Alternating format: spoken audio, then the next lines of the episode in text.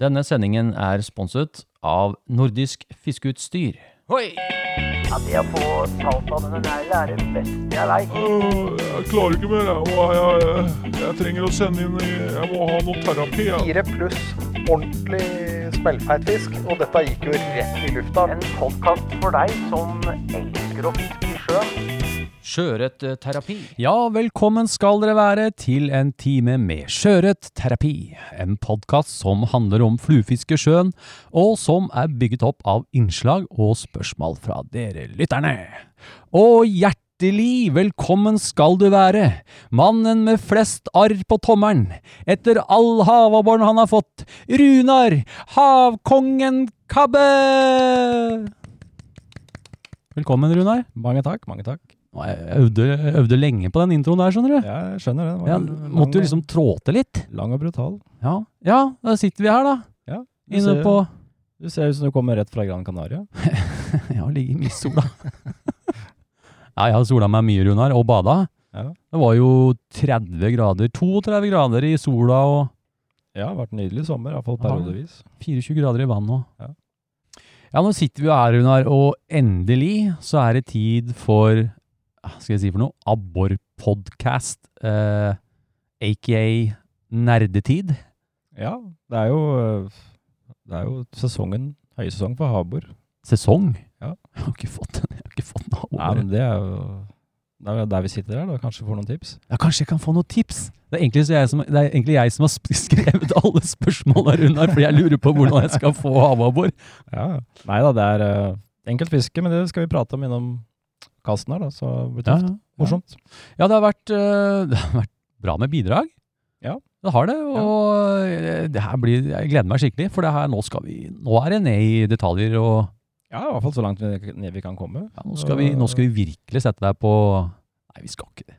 Den såkalte limpinnen, som Stig sier. Jeg er klar for alt, det. Ja. Det jeg ikke kan svare på, svarer jeg ikke på. Vi får hilse til Stig, da. Han sitter vel i yachten sin og tar seg en kald en, kanskje? Kanskje det. Ja.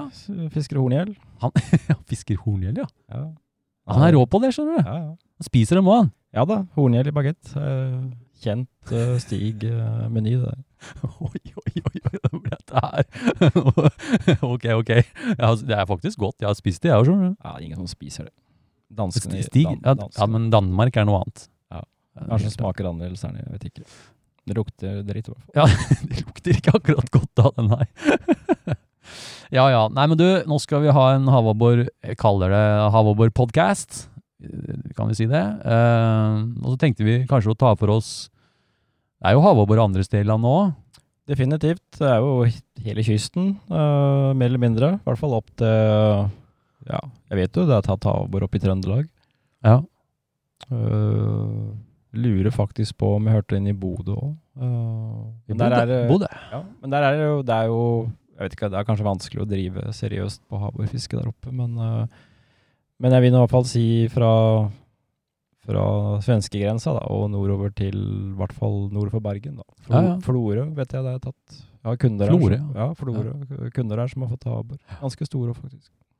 Men den eh, casten, podcasten her, da, eh, eller denne episoden her, blir vel fiske fra Det blir jo Oslofjorden, da. Det er jo mitt område, da. Ja. Eh, Jeg har ikke hatt behov for å dra noen andre steder. Vi er Hør på den, da. Jeg har ikke eh, behov for å dra Du skal komme til meg, da. Da har du behov for å dra andre steder. Ja. Nei, altså der skal jeg være glad for det. Um, setter pris på det, ha det rett utenfor stuedøren. Da. Ja. Så, um, så, uh, så mitt, min erfaring er, det er jo fra Indre Oslofjord. Da. Ja. Men det betyr ikke at det ikke fungerer andre steder. Nei, det er det. Du kan vel trekke noen tråder her. Ja, det tror jeg absolutt. Det er jo som sjøørretfiske òg. Ja. det er Det, det skal vi jo inn på sendingen her òg. Absolutt. Prøve, i hvert fall. Ja, ja. Eh, ja, så er det jo Vi heter jo sjøørretterapi. Ja. Men uh, dette her er abborterapi. Absolutt. Nå trenger vi noe terapi, for vi, det er jo ikke noe sjøørret nå. Eller? Ja, jo, Jo, uh, det er jo det. Du må bare fiske litt annerledes. Så er det litt kult også å ha en annen art å gå etter òg, tenker jeg. Ja, det- er det som er fint med saltvann. Da, at du, det er jo sesong for et eller annet hele tiden. Ja. Så ja, så sjøørret kan man jo fiske nesten hele året. Og havbor er en sesong. Mm. Så det er eh, fint å dele det opp. Ja, ja. Ja. Litt andre fluer og litt sånn. Åh, ja, vi skal snakke om det etterpå, Runar. Vi skal inn på fluer, og vi skal inn på Ja. oh, jeg gleder meg! vi skal Ja. innom byttedyr og masse greier. Men du, eh, jeg har litt lyst til å starte med noen spørsmål til deg, Runar. Mm. Fordi jeg tror det eh, Jeg vet jo ikke så mye Altså, jeg vet jo du får havabbor, men det er litt sånn spennende å høre om ditt Altså fisk, havabborfisket ditt, da. Sånn eh, liksom Altså når, for eksempel, når startet du med havabborfiske? Ja, da skal vi noen år tilbake, Eivind. Um, jeg flytta til Oslo i 94, tror jeg, fra Porsgrunn. Og så så jeg en artikkel i Jakt og fiske Mm. om, uh, om fiske til havbor. Mm. Så ble jeg nysgjerrig på det. Så jeg hadde noen sånne spede forsøk i 96, uh, hvor jeg var ute noen turer, Mm. uten at jeg egentlig visste hva jeg skulle, jeg gjøre, hva jeg skulle spe- gjøre. Spe, hva Ja. du mener med spe turer, tenker du? Ja, altså få Eller- turer, da. Ja. Uh, mange spørsmål, selvfølgelig. Uh, fikk jo heller ikke noe. Uh, og i 97 så var det jo uh, på'n igjen, og da kjørte jeg litt mer aggressivt, kjørte flere turer. Og så var jeg så heldig å møte Knut eh, Lunder. Han bodde ute på uh, Snarøya. Mm. Så jeg sto og fiska på land, og, og det her var jo i uh, juni-juli. Og så uh, han kom dorgende. Så stoppa han og lurte på hva jeg drev med, eller hva jeg fiska etter. Så sier han nei, jeg prøver å få en havbor. Og så jøss, det hadde han Han hadde aldri sett noen fiske etter havbor med flue, eller heller noen som hadde fått noen. da. Så det endte med at jeg blei med i båten hans. Og så kjørte vi ut en øy, og så fikk jeg en halvkilos havabbor. Oi. Og det første jeg tenkte på, jøss, sterk fisk, det var så liten. Og da var det på en måte i startgropa. Og så fikk jeg jo noen tips av Knut. Um, av det han visste. Han hadde jo ikke fiska så mye, han, men, eh, men han hadde to-tre år da på, på baken på det. Så, Mm. så han eh, fortalte det han visste, som jeg tok med videre. Og, og eh, så er det noe med et nytt fiske når du først eh, får én fisk. Du kan gå og fiske mange turer uten å få noe, og så plutselig får du én, og så er det ting akkurat som det løsner. Det er ikke noe hokus pokus, men det er liksom noe om å få den første fisken. Mm. Så jeg blei jo gira med en gang, så da hadde jeg noen turer. Og så det som toppa det, egentlig, det var eh, Det husker jeg nesten skulle vært i går, for da jeg var jo snekker på den tida. Og da jobba jeg jo til klokka tre eh, på fredagene. Så da dro jeg ut på Fornebulandet, og så eh, kom jeg ned på, på strandsonen der, og så så jeg at det lå masse måker på vannet. Så så jeg at det lå noe sånn skjell, løse skjell i vannet. Og da tenkte jeg her har det vært action. Oh. Og på, jeg tror det var øh, på første kastet, ganske sikker på at det var første, eller i hvert fall andre kastet, så mukka det på en havabbor. Tok backing, og det var helt uh, kult, da. Og så um, Den var 1,7. 1,7 kilo? Ja visst. Dæven. Da var det jo gjort. Da var Å, det fy faen. Men jeg bare løse skjell, hva tenker du på da? ja, ja, selvfølgelig. Nei, når jeg ser løse skjell, så er det brislingskjell. Å ja, Ja, det har altså- vært noen og spist uh, Ja, i seg eh, bløte dyr? Ja, det har vært jaging i vannskorpa her, da, vet du, og Oh. sånn, og så, og så er de løsner skjella, da, som regel, litt. Rann. Ja. Det har jeg sett, uh, sett eh, mange ganger etterpå også. Mm. Så det var bare et sånt lite kult tegn, da, at det hadde skjedd noe der. Ja. Og det var ganske nyra, i og med at måkene også fortsatt lå på vannet. På den, du, du var sjøørretfisker på den tida her, sant? Ja. Ut, før dette så var du jo sjøørretfisker. Absolutt. Ja. Og da Og da var det Altså, det var en sånn eh, helt sykt deilig opplevelse. Eh, se backing, liksom. Det er jo ikke akkurat uh, vant med Jeg er ikke vant. i det landet her. Nei, det var ikke det. Så det, og da, da var jeg ferdig. Da var det, det Habor, det var liksom bare Det var tingen? Det var tingen, altså. Rå fisk. Så, um, så da når 98-sesongen kom og, og videre framover, Mm. så, så hadde jeg jevnlige turer og, og fikk uh, jevnt med fisk. Mm. Eh, selv om jeg hadde bomturer også, selvfølgelig. Eh, og den gangen så var det heller ikke så mye å finne på nett. Uh, tror ikke det var noen fluefiskeformer og, sånn type ting som man kunne spørre da. Nei. Så man, man lærer jo på en litt tyngre måte, da. Men, Mm. men man lærer godt, da. Jeg, tror det, Det er sant. jeg tror det sitter bedre. Man Det er husker absolutt. Bedre. Ja. Ja, ja. Så, um, så jeg er veldig glad for det i dag, egentlig. At, at, uh, at det startet sånn, da. Mm. Så det Men så er- en- 1,7 kilo, det er jo ikke noe liten abbor i disse krokene, egentlig. Er det det? Ja? Nei, nei, jeg er jo også fisk på 1,7 i Oslofjorden er jo, eh, er jo strålende. Ja. Uh, så jeg har jo fått, den største jeg har fått her i fjorden er jo 4 kilo. Uh, Og du har er fire kilo? Ja, da, ja da, det var i 2011. September 2011. Steike. Så jeg har flere på tre og tre og en halv. Det var greit. Ja da. Nei, jeg bare tuller, Runar. Selvfølgelig. Kjør på. Du har flere på tre. Over, ja, det er flere fisk på rundt tre. Og tre og en halv og 3,4 og Så um, Spredt over noen år, da, får vi kanskje si. Ja da, det har jo Ja, altså snakka om 96, så er det jo i ja, 23 år. Herregud. 23 år, 24 år. 96, ja. Det er året jeg ble fylkesmester i isfiske på Aksjvann. Ja, det var labbor det òg, da. Hei! ja, det var jo abbor det også. Ja, da var jeg i gang med det. Ja, ja. Så det, Nei, men, nei da, eh, så det har vært, uh, vært en uh, fin reise. 98. Så da to år inn i det, i, i altså 20, ja, og videre mellom 98 etter det. Husker du hvordan var åra, liksom? Var det, fikk du jevnlig? Hvor mange abbor? Ja, det er aldri sånn at sånn, ja, hvor ja. mange har du fått, liksom? Og ja jeg Har du det? Nei, jeg har ikke, jeg har ikke eksakt tall. Det er for så vidt ikke så interessant heller, da. men jeg, jeg skrev jo bok eller notater da, på turene. Ja. Uh, og, og jeg fant ut litt ting uh, underveis, da, Ja. som man forholder seg litt til. da. Mm.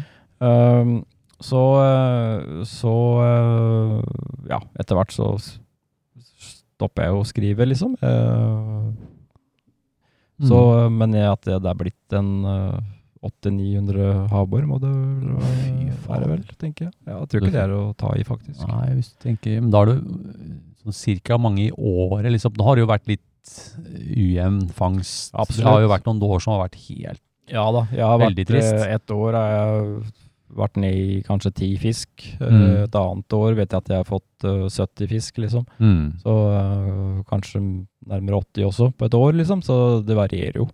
Mm. Uh, en annen ting man skal tenke på, selvfølgelig, som slår meg nå, det er jo at eh, 2013, 14 og 15, og ja, jeg tar med 2012 også, Mm. da var det jo knapt havbor i fjorden her. Eh, Vet du noe om hvorfor? Eller er det Eh, jeg jeg, spekulativt? Ja, jeg har jo teorier på det. Jeg tror det er forskjellige uh, små ting som blir til en stor. Uh, det som man blir litt trøsta av, det var når jeg snakka med andre havbordfiskere uh, på Mm. Sørlandet og nedover i Østfold. Mm. Så var det også dårlig der. Og vi hadde noen veldig kalde vintre i 2010 og 2011. Mm. Og, og da var det også veldig kaldt vann inne i fjorden her, i hvert fall. Mm. vet jeg, for de som driver og, og sjekker litt på det. Mm. Um, og da tror jeg at mye av fisken dro ut, uh, faktisk. Mm. Uh, og så er det selvfølgelig Det var jo yrkesfiske på det her.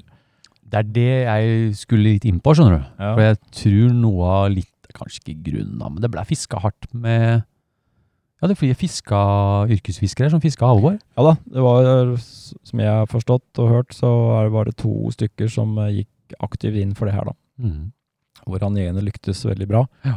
Som han også blei konfrontert med, da. Mm. At nå fisker du på noe som er veldig uh, skjørt. Mm. Uh, så han var klar over det, men det var gode penger, da. Så det var det, Ja, det han tenkte på. Ja.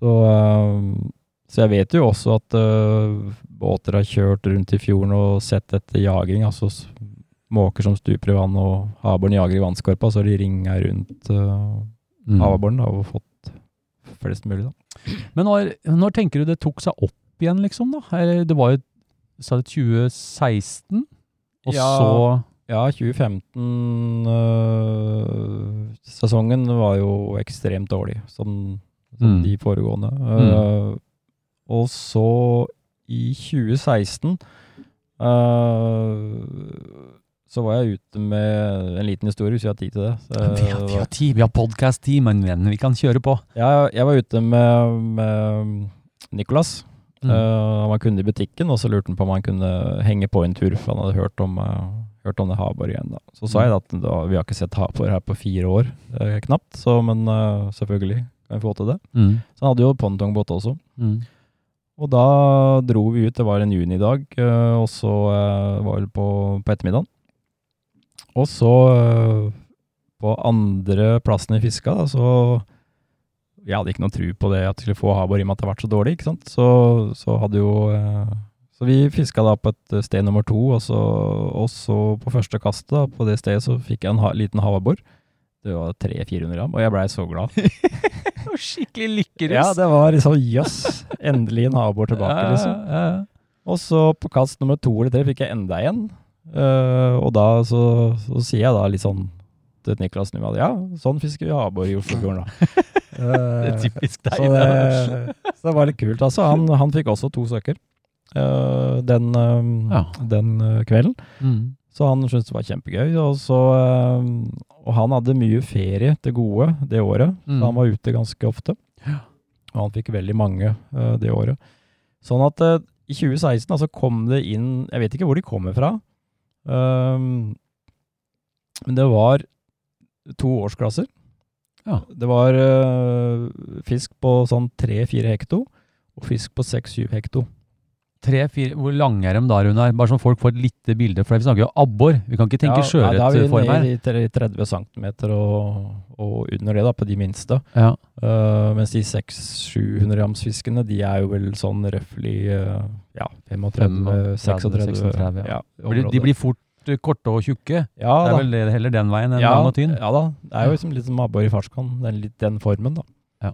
Så eh, da var han ute mye, så, og jeg var også ute eh, mye da, så, og vi fikk spinnevilt mye Abbor.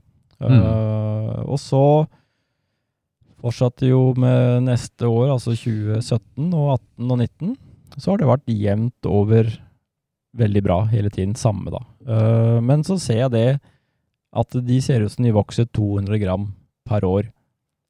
Det er ikke mye. Det er ikke mye. Det er søren ikke mye. Nei ja.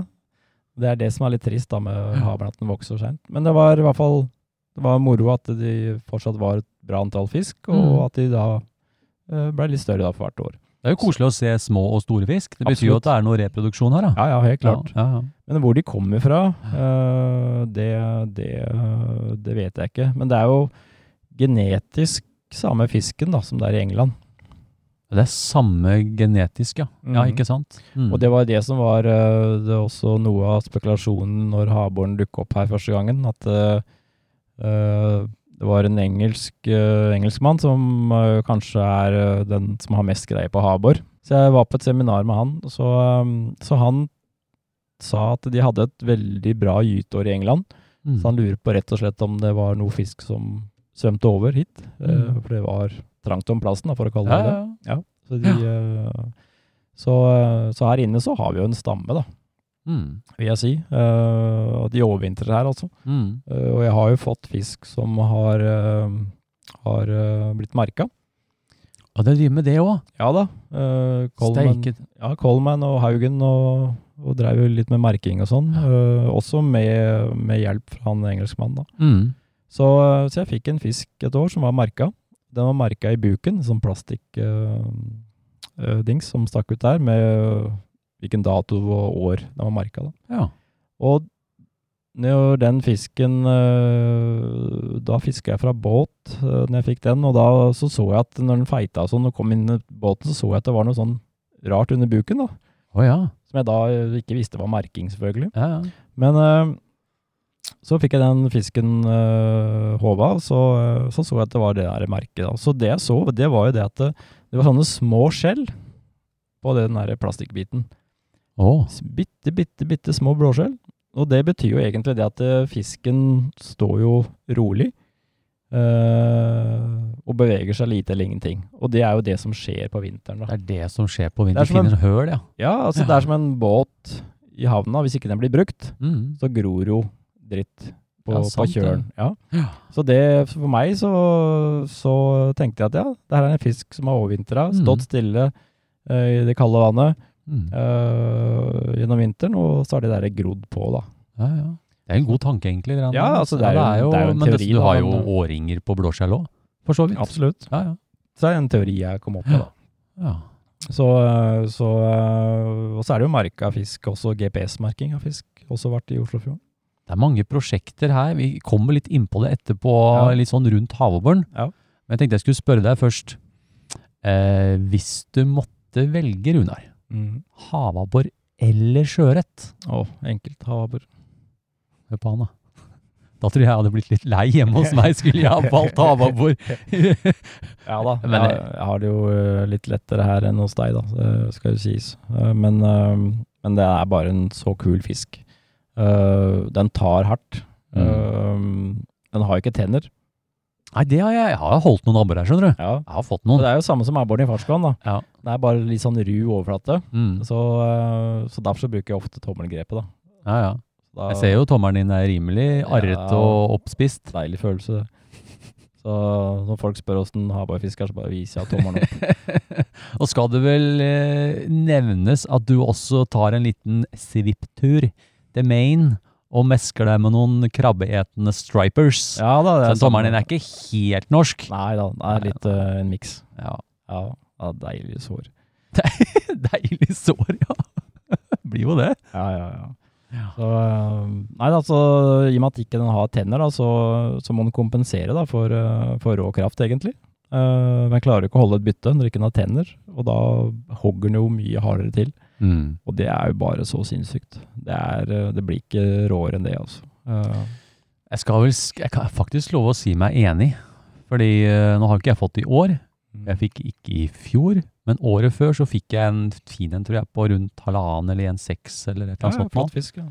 Og det er som du sier, er, du kan ikke sammenligne det med Du kan ikke det. Nei, nei, nei. Sjøørretfiske er jo gøy, men det er noe, det er noe helt annet. Ja, ja, jeg setter pris på sjøørretfiske. Altså, det er nettopp det. Du setter pris på sjøørretfiske, Ja, ja. Men lever for havabbor. Ja, ja. det er fint det er to sesonger, da. Så Ja. det går ikke utover noe, egentlig. Ja, det er helt supert. Men, øh, men havbjørn er bare, det er bare en uh, råtass av en fisk. det er det det er. Ja, Det er en råtass. Ja, det er det Ja. faktisk. Sterk. Og det er jo det som er litt kult da, med, med havbjørnen framfor sjøørreten, det er at når du får en sjøørret, så er jo åtte av ti svømmer jo innover mot deg.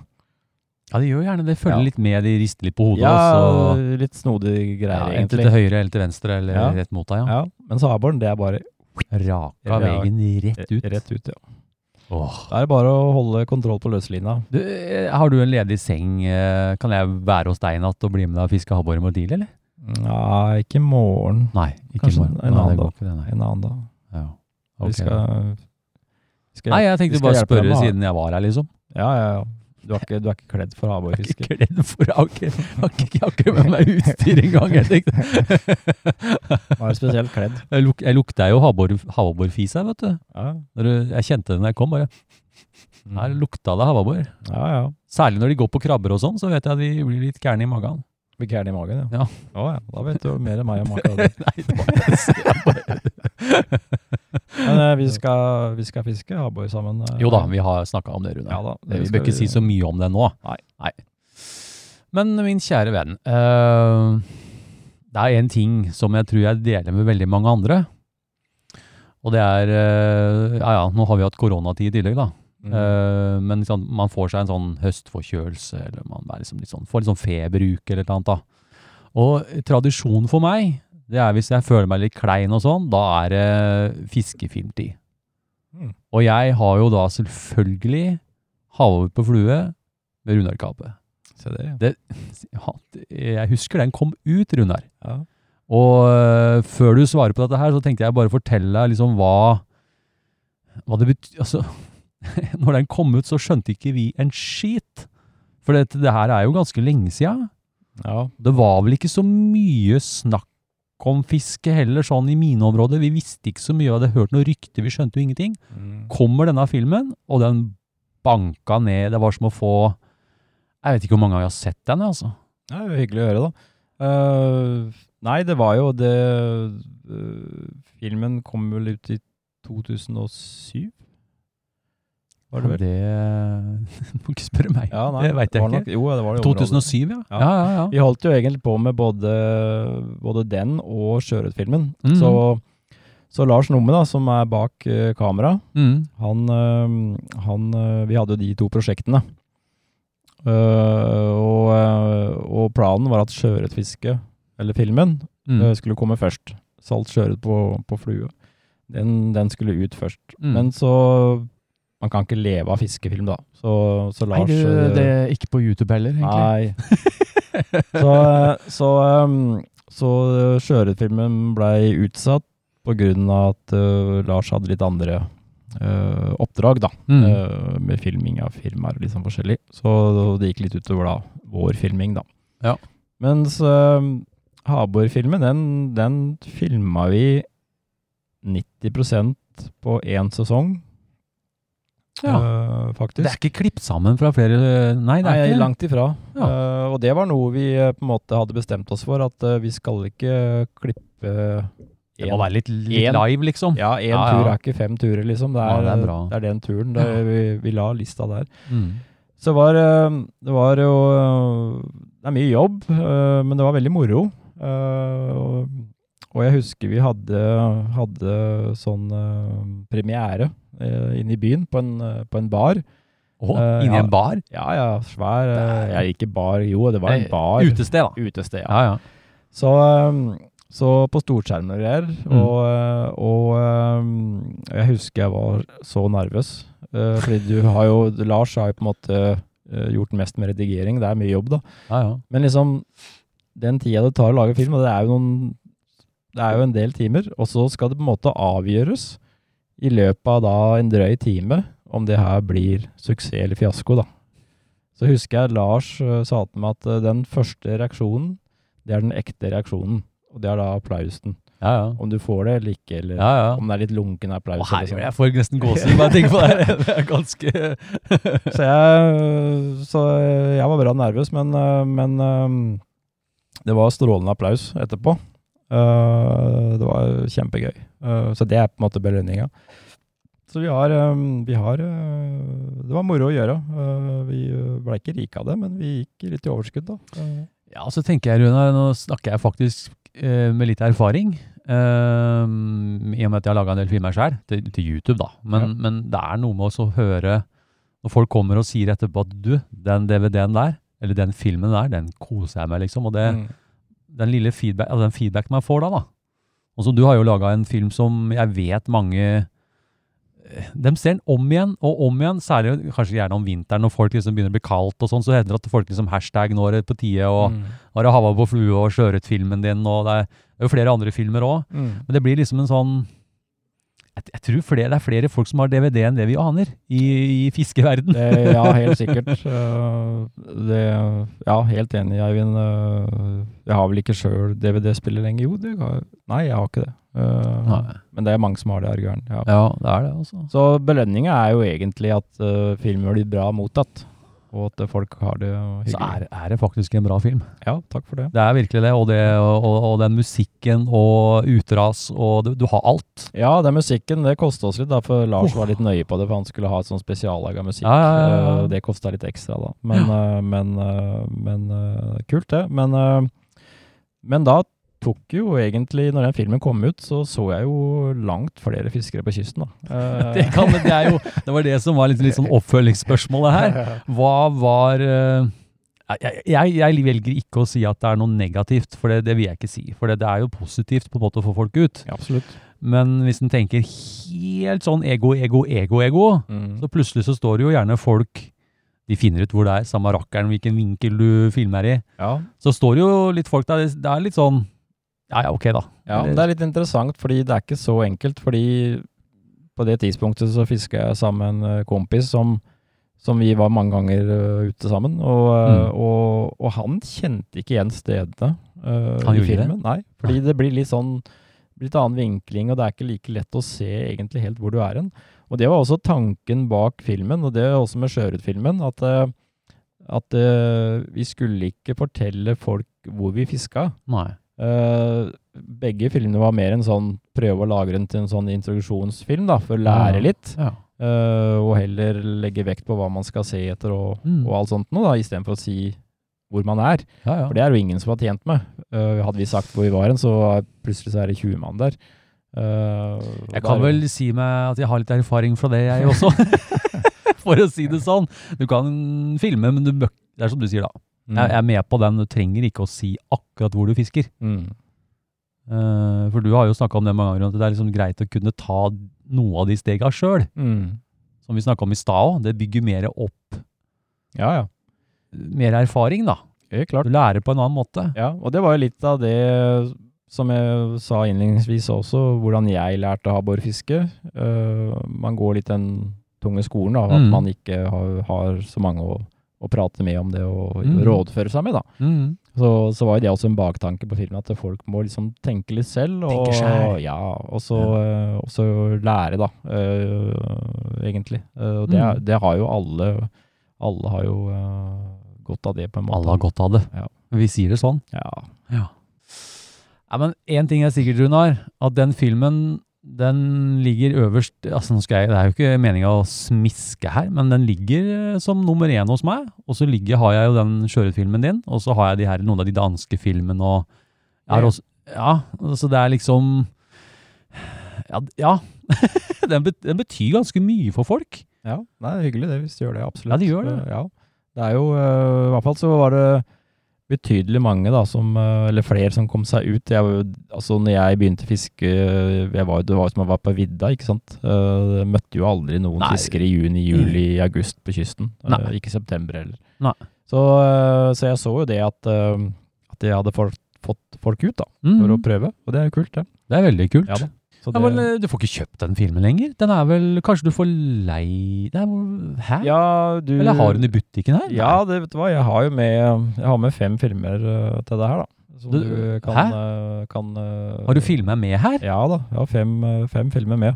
Lars Numme var innom her for litt siden, så han hadde øh, funnet noen Hun er jo ikke for salg lenger, da.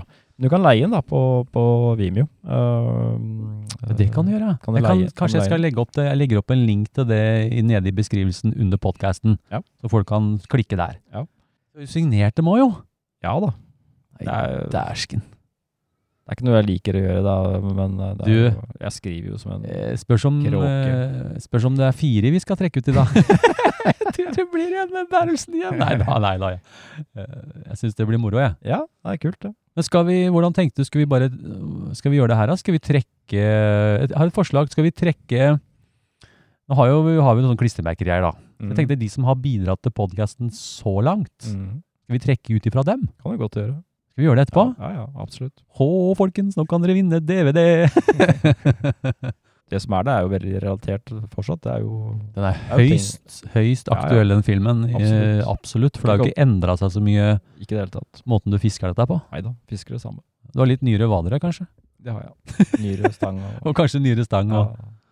Men vi skal inn på utstyr etter hvert, Runar. Mm. Eh, men jeg tenkte fint å ha med den podkasten her, om vi kan snakke litt om havabbor. Nå var vi litt innom litt på det. Vi har snakka litt om havabbor, men jeg tenkte sånn som spørsmål når han gyter. Vi snakka litt om han var på dyp om vinteren og sånn. Mm. Gyter han da, eller? Nei, altså det er jo en øh, sånn Gytetid er jo øh, Det er jo ting som på en måte jeg ikke har sett selv da, med egne øyne, men det er jo, øh, det er jo øh, litt av hvert å finne på på Google. ja, ja. man vil vite litt. Så det er jo en, øh, en vårgytende fisk, da. Øh, sånn type april, mai eller juni. Mm. Øh, jeg tror for så vidt det kan gå over en lengre periode også. Ja. Og det kan også selvfølgelig være forskjellig fra steder i, i landet, da. Mm. Men, men det er en fisk som krever i hvert fall tolv grader da, i vannet før den begynner å tenke sånn. Da. Ja. Så den gyter pelagisk. Mm. Slipper, øh, slipper øh, rogna pelagisk. Og, og Pelagisk, nå gjør jeg meg litt dum. Hva betyr pelagisk? Ja, det er jo i vannfilmen, da. Han slipper det løst i filmen, ja, liksom? Så abbor i Farskan, de fester jo rogna til, øh, til Pinner og greiner pinner og og, Ja, ja, sånne type ting. Mm. Det her slipper bare da pelagisk. Mm. Så, så, så går den jo ofte da inn, og det skjer ofte i brakkvannsområder. Oh. Og den kan også gå opp i bekker og sånn, eh, under, eh, under leken. da. Eh, men den gyter da ofte i, i brakkvann. da. Og, eh, og da er de eh, rogna de tilført en dråpe olje, sånn at de holder seg da flytende. Nei, Eller svevende, så at de ikke synker ned til bånn og blir borte og ødelagt. dæsken. Så, så Men som Og ja, akkurat det med gyting Jeg skulle gjerne visst Altså, er det fisk i Oslofjorden som gyter? Gyter de et annet det. sted? Det det. Sånne type ting uh, skulle jeg gjerne visst en del Ja. om. Nå er det jo påvist uh, gyting på Vestlandet. Mm. Uh, så, så det er også en kunde som snakka om at han hadde sett havbor inne i fjorden her som hadde gått rundt i ring. En stim som hadde Og det er jo ofte sånn typisk gytelek, Ja, ja, ja. da. Ja, ja. På våren, liksom. Ja. ja. Så, så kanskje da, Men akkurat hvordan det der, øh, hvor det skjer og sånn, Mystisk. og akkurat når det Men jeg, tror det der spekteret med gyting er over flere måneder. Da. Jeg lurer på en ting, Runar. Eh, jeg har jo fiska en del abbor på isen. Og jeg tror vel du også har noe erfaring med det, har du ikke det? Jo, Du har bora noe høl, du, Runar? Ja, forferdelig mange. det, Det er flere her på nordisk som er uh, isborere, er det ikke det? Ja, jeg var mye på, på isfiskestevner, vet du. Det, Ja. Jogga jo i uka Oi, for å få oi, oi, mulig oi. kondis. Det er moro. Ja, det var jo det en, var en ganske lang periode. Det var jo veldig bra miljø og sånt. Det var jo derfor Ja. man holdt på med det, egentlig. Det er kjempegøy. Eh, Å dra sånne 20-grammere helt fra det er klart.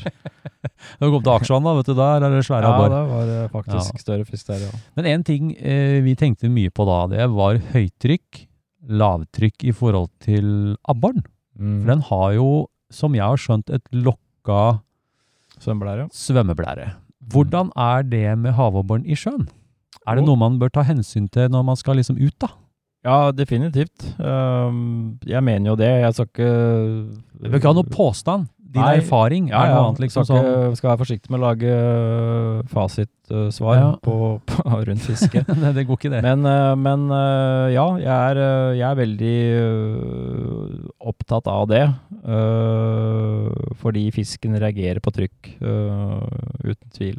Mm. Og, og det er ikke de det jeg er mest opptatt av, det er de, de sånne brå fallende trykk.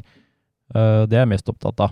Øh, Og når det er kjapp endring, tenker du kjapp på? endring, ja. Fra lavtrykk til høytrykk, da? Fra høytrykk til lavtrykk. Fra høytrykk. Mm. Nå skal jeg gjøre meg skikkelig dum. Hvordan er været når det er høytrykk?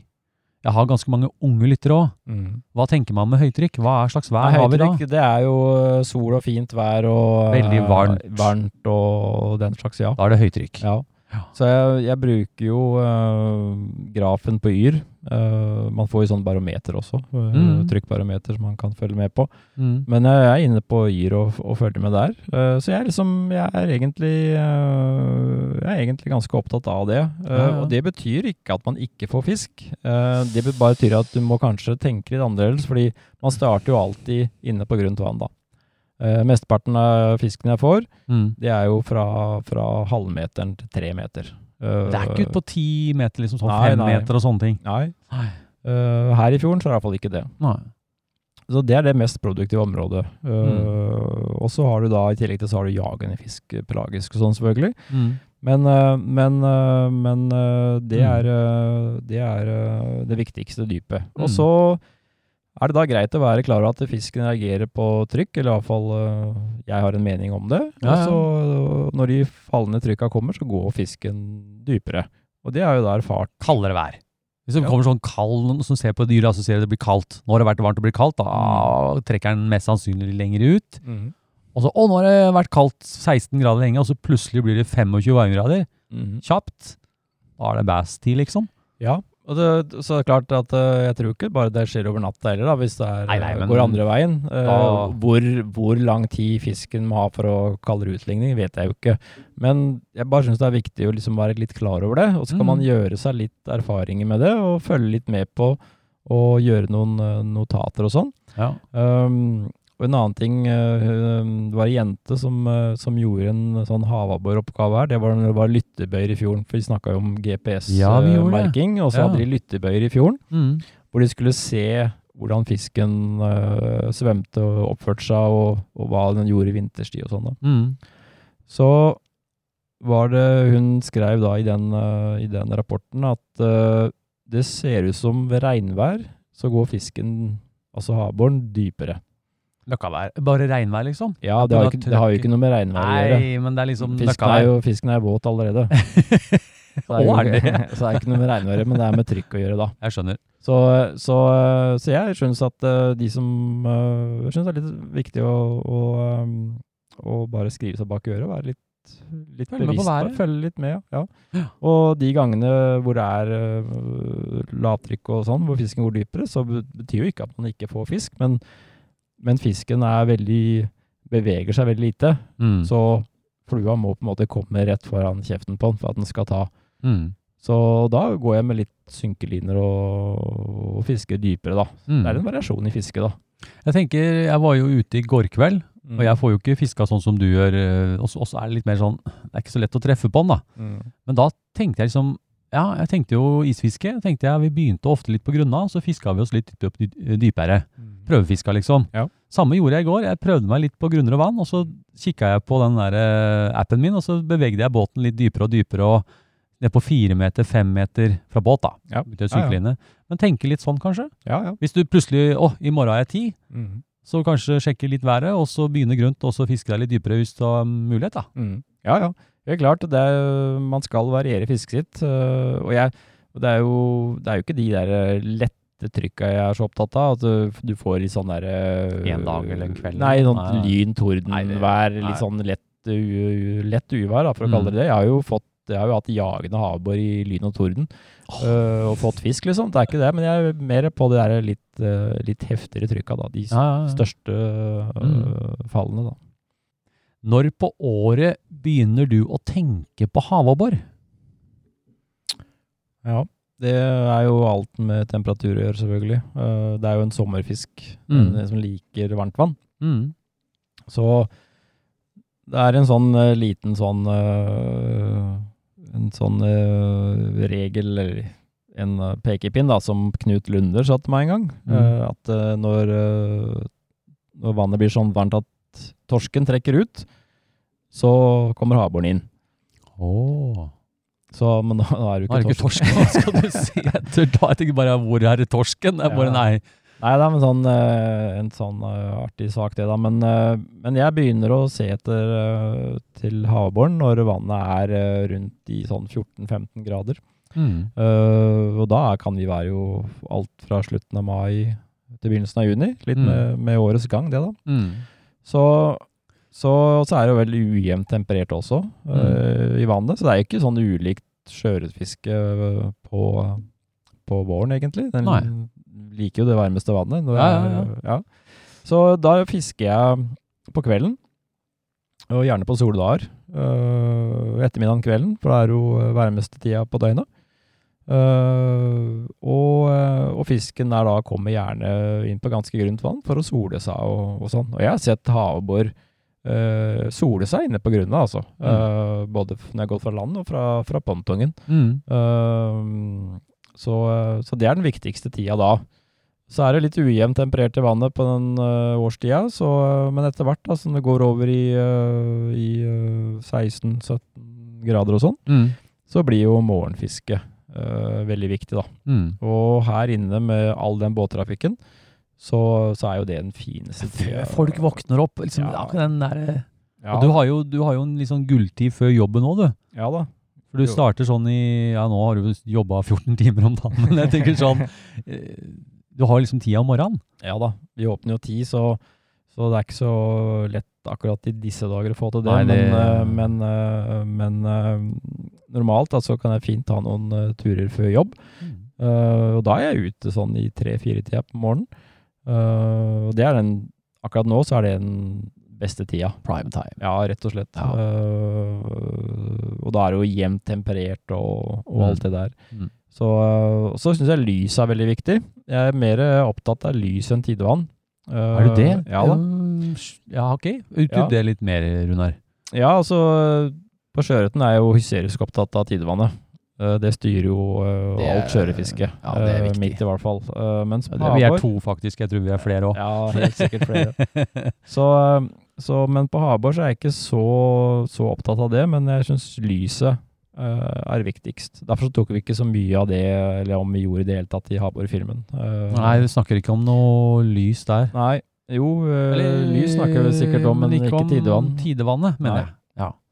Så, eh, så jeg syns det er viktig. Altså, misforstå meg rett, tidevann er alltid viktig for fiske i sjøen. Og jeg kan tenke meg at tidevannet på Vestlandet uh, er viktigere enn tidevannet i Oslofjorden, for det er større forskjeller. da. Her inne har vi ikke så veldig mye. Uh, så derfor så mener jeg at lyset er viktigst. Og fisken kommer inn på grunna og, og, og jakter etter mat. Og, uh, og, når klokka blir sånn ni-ti-tida, mm. og det er sånn helt klar klart vær, ikke noe skyer og sola står høyt, så, mm. så syns jeg det beste fisk er over i, i ni-ti-tida. Ja. Tenker du at abboren trekker litt, er litt sånn lysskyaktig, trekker litt dypere? Ja. Ja, ja. ja. Så sånne uh, er jo sånne fint hvor det er et, et grunnparti, og så går det ned en markert kant, f.eks. Det syns jeg er gode Type fra land 10-15 meter ut til 5 meter, og så litt, og ja, så 10, liksom? Ja, det kan, være, kan godt være et, et uh, platå ved landet som, som er sånn alt fra 1, 2, 3 meter. Mm.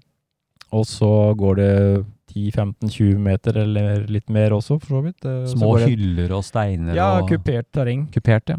Mm. Uh, veldig bra. Mm. Så, så havreplassen er ikke så, egentlig så veldig ulik uh, sjøørretplassen, egentlig? Ja, det Jeg tenker sånn Jeg tenker storfisk, storfiskplassene jeg har på sjøørret, mm. litt seinere på sesongen, da. Mm. Uh, når det blir mer byttedyr, det er gjerne sånne plasser. Mm. Litt mer dypere, store steiner, litt mer sånn strømutsatte ting. Mm. Du ser for deg et skjær midt i fjorden, liksom, med litt strøm rundt og litt hyller og sånn, da. Ja. ja. Så det er litt uh, og, og, jo større uh, havbåren er, altså i størrelse, så syns jeg sånne plasser uh, Fordi sånn mindre havbår, da, kiloen og under og litt over, de går jo ofte i stim. De fiser rundt, liksom? Ja, ja. de fiser litt mer rundt. Ja, ja, uh, og mens den større havbåren, jo større den blir, jo så, så, skiller de seg fra hovedgruppa, da. Mm. Og blir litt mer sånne einstøinger og sånn. Ja. Uh, av min erfaring her i, i fjorden, da. Mm. Så uh, da blir sånne litt sånne bratte fjellvegger og sånn tettere på land mm. uh, viktigere, da. Mm. Hvis man skal jakte større fisk. Mm. Men, men også var det også da dager da, hvor fisken havbåren jager brisling i overflata. Det mm. er jo liksom Når på året er det da? Nå har du tatt for deg våren, og sånn 15 grader ish. 14-15, er det du sa? Ja. 14-15 grader. Og så er du nærmere sommeren hvor vannet ofte blir sånn 20 Mm. Da, fisker du, da fisker du liksom Men du har jo pontong og sånn? Ja da, jeg fisker begge deler. Både, både ja. fra land og pontong. Men, ja. men, men uh, altså i starten, i, si det være slutten av mai, begynnelsen av juni, mm. Så er fisken mest aktiv på kvelden når det er som varmest. Og da kan du fort finne fisk som jager brisling. Mm. Absolutt. Så mm. det, det har ikke noe å si. Nei. Om, det, om vannet er 18 eller Nei, nei, men du tenker grader. liksom Det er ikke så veldig Det er ikke så voldsomme forskjeller uh, i selve fisket uh, gjennom året. Uh, det som jeg Nå har ikke det vært nå siste åra, men det tidligere hvor vi laga film og den 2010 og mm. fram og tilbake der, så, så opplevde jeg at de største havbårene de fikk jeg i, i slutten av august, september og oktober. Det, det kan jeg forstå. For, du tenker jo Man må jo tenke byttedyr òg. Vi skal jo inn på det her etterpå. Mm. Brislingen, vi husker jo liksom, høstmakrellen blir feit. Er det er jo en grunn til at han er skikkelig feit på høsten. ikke sant? Mm. Da går han virkelig og super i seg ja. Hvorfor de større fiskene her nede har vært litt lettere å få kontakt med i, uh, i uh, september og oktober, har jeg ikke noe godt svar på, egentlig. Men det er tettere med sånne tokilosfisker. Uh, det er ikke akkurat sånn akkurat nå, Nei, men det men, sånn Men det var det i gode gamle dager, da, for ja, å si det sånn. Og da var det mye tettere med sånne tokilosfisker, eller større. Mm. Og, og, når du kommer utover i uh, oktober, så blir jo vannet kaldere, mm. gradvis. Mm. Uh, og når det går under ti grader, da syns jeg det begynner å bli vanskelig å, å finne havbåren. Mm. Og da er det igjen veldig viktig med de soldagene, da.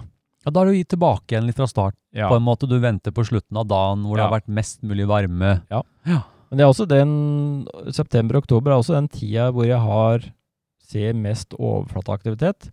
At de jager. Fordi jeg har en sånn eh, en, eh, en følelse at eh, når fisken starter om, om i slutten av mai, begynnelsen av juni, mm. så kommer de innover, steam, Og så er det akkurat sånn at ja, vi, vi møtes her i oktober. uh, fordi, Og det er jo den minste fisken som dukker opp først, da. Mm. Med noen innslag av større fisk, selvfølgelig. Mm. Og så er det da i andre enden av oktober så samles de igjen for å jakte brisling. Det er jo for at de skal Jo flere de er, jo lettere er det jo å, å gjøre seg, sammen, gjøre seg mett. Og, Ja, ja, ja. De, de, de, Og de da- samarbeider litt, Ja, kanskje? samarbeider. Ja. Uh, og det er lettere å, å, å få, få, få gjort seg mett, da. Mm. Uh, og derfor så har jeg mer da overflateaktivitet på den årstida. Høsten, du sier toppaktivitet. Vi skal litt inn på byttedyr og fluevalg ganske snart. Da får vi snakke litt om fluer da, Runar. For da vil vi høre litt om toppaktivitet. Jeg vet du har et eh, Du snakker litt om uh, favorittfisket ditt når det begynner å skje ting på overflata. Mm. Det tar vi i neste spalte. Ja. Men vi skal ha et par spørsmål til. Mm. Eh, Runar, jeg lurer på en ting. Eh, nå har jo ikke Altså, nå fisker jeg og jeg Jeg prøver meg på abboren hjemme.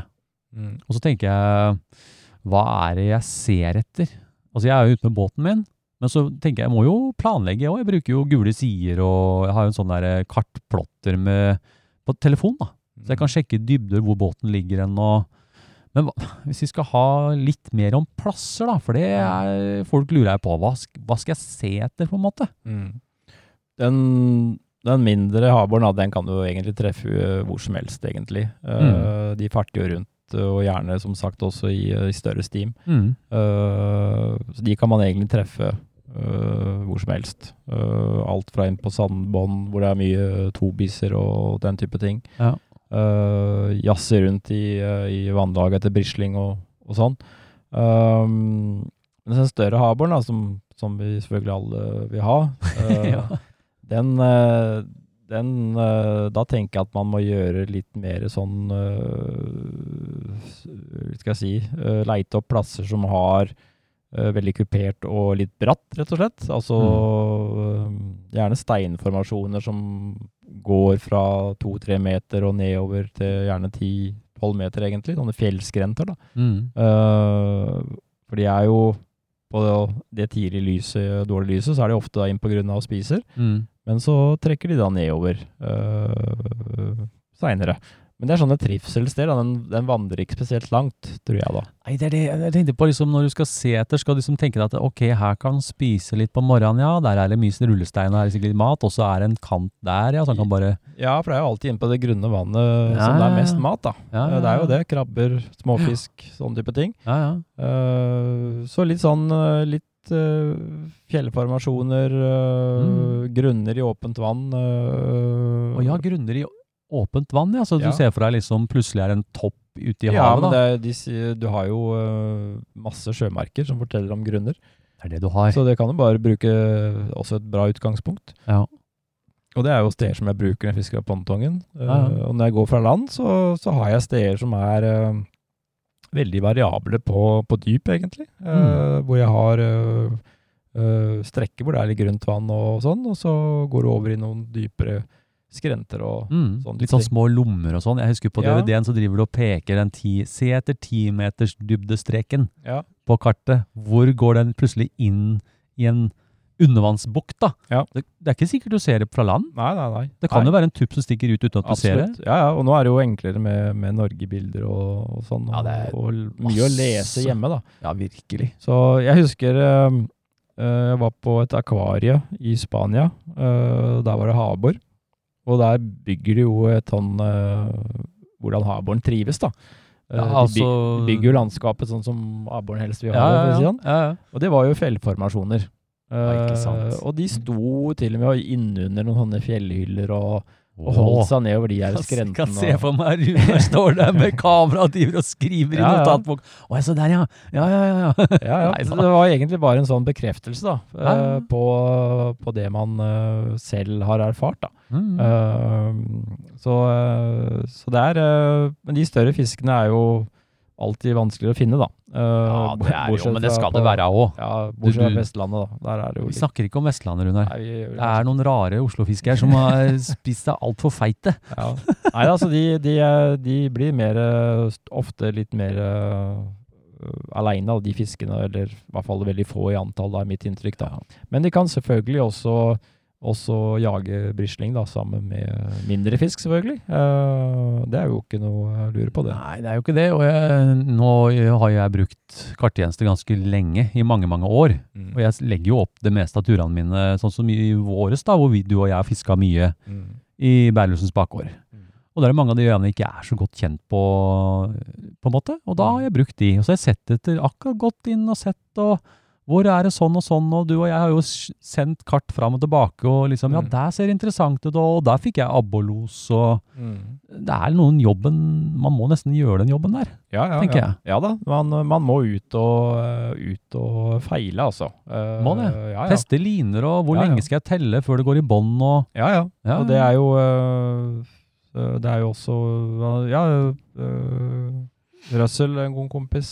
Han, eh, Russell, vet du, han. Han, han har fått, vet du. Jeg har ja, ikke fått. Det er jo på sånne, det er litt på sånne type steder, da. Hvor ja, det er litt sånn kupert og, og, litt sånn. Du Runar, etter så mange år eh, etter halvår, så har du vel kanskje noe du legger ekstra vekt på sånn rundt havfiske. Eh, du, altså, jeg tenker, du drar jo ikke bare ut på måfå, liksom. Det er vel noen ting du Dette må jeg ha, nå skal jeg på abborfiske. Er det noen sånne ting du tenker eh, Eller må du liksom innom Må du kjøpe masse greier for å komme deg på, eller? Nei da, absolutt ikke. Som sagt så fisker jeg jo havbor både fra, fra, land og fra pontongen. Uh, det er jo alltid kulest fra land. Uh, det syns jeg jo. Det er jo morsomst. Ja, det skal jeg være enig i. Men her inne med all privat uh, bygging og gjerder og privat eiendom, så, mm. så, gjør pontongen det lettere da, å komme seg rundt da, og få fiska flere steder. Mm.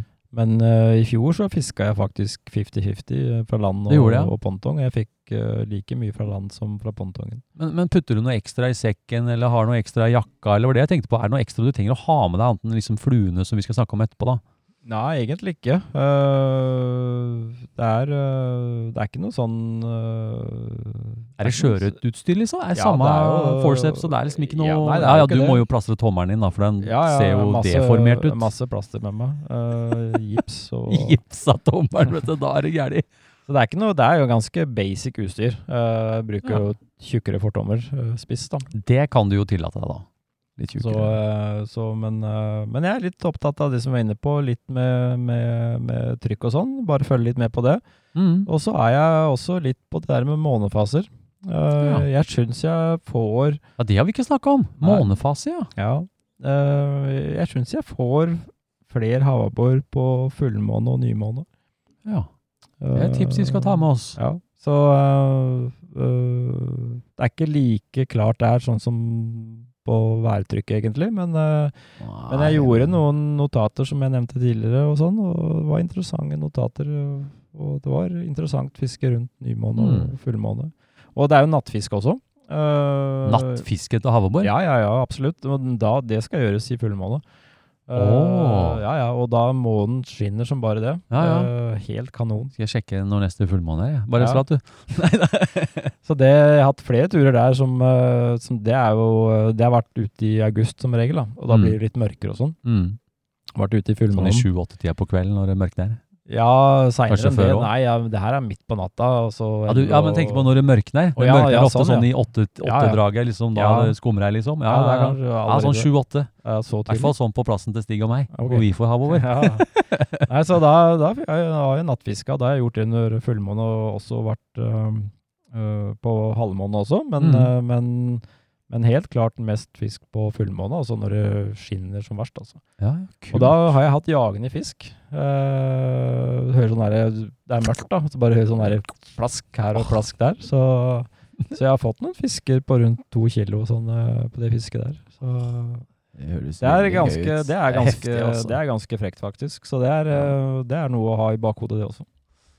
Men du Runar, fins det, noe, det noe info om havabbor på nettet? da? Sånn Hvis du skulle liksom havabborfiske, hva dukker opp da? Tror du? Ja, altså Google vet alt. Uh, hvis man googler uh, havabbor uh, og sånn Man har jo masse, eller ikke masse, men iallfall noen engelske sider som er ganske interessante. Mm. Uh, der har de jo veldig høy kunnskap om litt levesett og, Ja, ja. og litt sånn. For å fiske der borte. Ja, Mm. Så det er bare å, det er bare Google. å google. Da. Men, men jeg tenker sånn, hvis folk kommer her, så er jo ikke du akkurat eh, vond å be om, Nei om tips. Absolutt ikke. Uh, absolutt ikke. Jeg tenker, uh, men får liksom en sånn guidepinn da. Ja ja. Nei da. Jeg har uh, Seinest i fjor så var, det- sendte jeg Mm. folk ut på noen steder og fikk fisk, faktisk. Er du riktig heldig, så vinner du en DVD. Det er bare å begynne å se den. Ja ja. For den er, ja, da, som det jeg sier, den er aktuell i dag òg. Altså. Ja, det er ikke noe der som ikke stemmer i dag. Så. Men Runar, nå skal vi faktisk over til nyspalte. Ja, hva slags byttedyr eh, finner man i sjøen nå på denne til året? Og noen ganger så virker det som de bare vil ha hva som helst, og eh, hva skal en velge? Byttedyr og fluevalg. Ja, hvilke byttedyr bør man holde seg oppdatert på? Hva slags fluer burde du ha i flueboksen, og hva har du i bindestikka nå om dagen? Hvilke byttedyr og fluer bør man tenke på i forhold til havabbor? Du er jo, jeg vet du er inspirert fra, altså du har jo fisket med de samme fluene i mange, mange år. Mm. Ja, jeg har det. Det var jo sånn øh, Jeg kjøpte jo uh, flyfishing and saltwater på Narvesen øh, i gamle dager. Og fikk inspirasjon derifra. Mm. Og da blei det jo leftis, deceiver og klausere som, som jeg hadde i boksen, i forskjellige farger. Mm. Og det er jo utgangspunktet for fluene jeg har i dag. Uh, klausere har jeg fortsatt i boksen. De er bare mye større enn det var den gangen. Mm. Fortinga, Og- fortinga flue, liksom? Ja, Timglassøyne. ja, det er timglassøyne ja. foran, og de, de velger jeg bevisst å ha litt tunge. Mm. Uh, for den bruker jeg ofte når jeg skal uh, fiske litt dypere. Uh, litt der med trykk og de snakker om, at fisken kan uh, bør ikke bare være trykket, men at de står og, og hviler Ja, seg de står sover. stille, da burde de ha noe som danser de, ned- Ja da, de svømmer jo ikke uh, hele døgnet, de heller. Og, og i hvert fall ikke på matsøk heller hele døgnet, så de har sine hvileperioder. Så, så det er en flue man definitivt skal ha i boksen. Ja. Uh, man kunne godt ha brukt jig der også, som jeg bruker mye på sjøørreten. Ja, ja. Jiggy? ja. Det er, uh, Shit. ja, Nå fikk jeg noe å tenke på, Runar. ja da, nå fikk du virkelig noe å tenke på. Så det sertifikatet ditt uh, Har du snakket med Stig nå? Fortsatt, fortsatt på vent. Ja, snakka masse med Stig. Snakka med Og de har snakka masse med Stig! Så- ja, Nei, altså de, det er viktig å ha, ha lette og tunge fugler, da. Så, så lefties uh, deceiver, det har jo blitt Runers deceiver. Ja, ja. Det var ikke jeg som fant på det, men det Nei, var men den er ikke lik som Lefties, Lefty Crazies uh, nei da, Deceiver. det er jo den stil fluer, da. Ja, ja. Så det var jo Pål Krogevold som, eh, som fant på det navnet, faktisk. Eh, Runars Deceiver? Ja, ja, ja. Jeg, jeg, han eh, spurte om han kunne henge på en da, Ja. eh, for mange år siden. Vi jeg hadde et foredrag hos, hos Oslo Main. Ja. Og så ble han interessert i fiske da, etter foredraget, så han spurte om det var mulig å henge seg på. Ja, ja. Og han hadde jo også pontongbåt. Ja. Og da, da Jo, rodde, vi rodde jo den gangen. Vi hadde jo ikke motor som nå, så vi rodde da. Og så stoppa vi utafor en odd noen øh, 15 meter fra, så sier jeg at du skal legge flua di bort på odden der. Du også, gjorde det, ja? ja og, så hadde vi, og, og da hadde vi jo allerede snakka litt om fluer, og da husker jeg at øh, jeg hadde flua i hånda, så sier jeg at prøv den, liksom. Så bare nappa den, og så satte den på fortommen. Og så, øh, så, så han la flua noen meter utafor den, på den odden, og så og fikk havbor på første kastet. Nei, dæsken. det var hans første. Nei, dæsken. Og mens han uh, feita den fisken, så kasta jeg, og så fikk jeg også fisk. Vi kjørte dublé, da. Så, så den morgenen der så, så fikk vi, jeg tror vi fikk åtte-ni havbor. Og øh, på den Runarse Siver, da, som da han Jeg sa at den flua er ganske ny, sier jeg, så er det Mm. noe jeg surra med. Så Mm. da mente han den skulle hete Runarse Siver, da. Så har det blitt Ja. det, da. Så det var han som fant Klinger det. Klinger veldig fint. Ja, Jeg syns det. Ja da. Ja, det er sånn som jeg har en som heter Eivind Spesial. Det klinger ikke så veldig bra. det klinger ikke så veldig bra. Så det, men det er en sånn type lett flue, da, som, eh, som imiterer brislingen veldig Mm. bra, da, med Ja, ja. olivenrygg. Så Brisling, Runas Receiver eller en sånn Deceiver-type. Ja. Ja. Så, så uh, oliven på ryggen, uh, type 8-9 cm. Mm. Perfekt størrelse. Mm. Og så kan du gjøre den som en sånn sildeimitasjon, hvor du bytter ut den olivenryggen med en blåaktig Blåaktig, ja. farge. Ja. da. Og da kan de også være større, da. Det er jo måter på hvor store man kan få de fluene med det materialet. da, men Det er jo Det begynner å bli keitete å kaste med hvis det blir for svært òg. Ja da, nei da, det går fint. Det går fint, ja. Uh, ja da, Det er en ganske lett flue å kaste. Det er verre med den Ja. klauseren. Og så har du den klauseren, eh, altså den har jeg, Runars river da, har jeg da i 8-9 cm, oliven eller blå rygg, jeg har jo begge deler. Eh, så har man noen sånne varianter som man ikke bruker like mye, men, men litt Det er jo morsomt. gøy. Det er jo fryktelig moro ja å ha. Hvor dette har litt eh, andre farger òg, da. Mm. Og så bruker jeg mye klauser. Klaus Romino. Klauser, ja, både med bøkdel, men også den uh, flatwing-klauseren, som jeg kaller det for. Å, den er lekker. Ja, den går veldig fint Åh, i vannet. Også GLF. fin på, fin på sjøørret også. Men de klauserne, er de type sånn Er de helt opp i 8-9 cm, eller? Nei, de er ofte større. De er nok mer 10 og større. 10, ja. Ja. ja. Så, um, så, uh, så flatwing-klauseren er egentlig bare noen Istedenfor å bruke Det er jo bucktail eller begge to, mm. altså, men uh, lagt inn en uh, par lange saddle, tynne saddlefjær. Innimellom for å få den lille halen, på en måte, Ja. som Ja, nettopp. de danser veldig fint. Så der Ja. bruker jeg litt sånn ekstra store manualøyne. Mm. De synker raskere, så får de også en finere gange, da. Mm. Det er verre å kaste, da. Uh, men det, Jo, men det går nok fint. greit. Ja da, det går fint. Ja. Absolutt. Ja. Så, og den klauseren har jeg da i, i mest i hvit chartreux. Å, det er Og god farge. Ja da. Har du noe flash og noe greier inni, eller? Ja da, jeg har litt flash inni. Ja, ja. Ja da. Ja. Og så har jeg hvit oliven øh, har jeg også med, og så øh, har jeg også hatt hvit rosa. Eh, Hvitrosa? Ja da, det har øh, funkert Oh. også greit. Uh, Ja. ja. Det blir litt, uh, noen ganger så er det greit å velge litt sånn at den har litt knasre farver. Hvitoransje, da?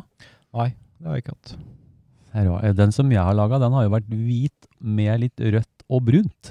Å ja, ja. Men nå har ikke jeg, ikke si, jeg har ikke fått så mange at jeg kan si at det er noe. Nei, jeg har den ikke i hvit og rang, faktisk. Det har jo det på, på sjøørreten på Jiggy, men, eh, ja. men jeg har ikke det på havbåren. Men hvit chartreux var den, det er liksom viktigste første fargen jeg ville bundet ja. da, eh, på den. Og så er jo uh, teppesila. Det er vel et mønster som er ditt, vel? Ja, det er, øh, det er Ja da, det er for så vidt mitt mønster. Var øh, Husker øh, Espen Ørud og jeg øh, holdt på med noe øh, kraftfur. Og, øh, og det endte opp med Vi vant forskjellige varianter da, for å, for å til, se hvordan det gikk i vannet og teste det ut at ikke det tengler rundt krokbøyen og sånn. Ja, ja. Så, så kort, øh, eller lang historie kort, så var vel jeg egentlig jeg som kom fram til måten å begynne på, og så han fant på navnet, da. Uh, for det er jo teppe, en Ja, slags. teppe, ja. uh, så var det en sild, da. Så teppesild. Teppesild, ja. For jeg husker, eh, sånn som da var det ikke noe sånn, sånn som nå skal du kjøpe kraftfôr i dag. Er det noe, jeg må spørre om det, er det noen spesiell kraftfør du kan, er det noe sånn, noe som er lengre, noe som er kortere? Jeg, det, jeg bruker den du har i butikken, og den er sånn, jeg vet ikke om den heter Selected, eller Jo, altså, mellom- øh, så, jo da, det heter det. Øh, så den er jo noe lengre. Det finnes Noe jo, lengre, ja. finnes jo forskjellige lengder av det på markedet. Vi har bare hatt én type, vi også. Ja, ja. Den er jo, da får man fluer som er fint å binde opp i 10 cm. Da. Så er det jo øh, en annen ting også som er fint på, på, på Klauser, som jeg har hatt øh, hell med, det er å bruke super-air. super her, ja. Ja, det er det sånn transparent eh, Ja. plasti plastikkmaterialer. Altså, Ja, det er litt jo sånn mono- syntetisk, heter det vel. Ja, sånn øh, krinkla mono, Krinkla, egentlig. ja. Kreppa. Kreppa. Ehm, det er veldig fint i sånn klart vann. Uh, hvis det er veldig klart vann, Mm. så, så gjør det der uh, superrange seg veldig bra. Mm. Så, så jeg har hatt noen klausere med, med hvit uh, superair og litt, noen, litt rosa undervinge, og så en uh, oliven eller chartreux overvinge. Jeg Ja. har fiska veldig godt, faktisk. Har, du, har du hatt det i, i sånn type deceiver òg? Har, har ikke du laga noe sånn For du har laga noe hollowfly Ja, det er bucktail. Det er bucktail, ja.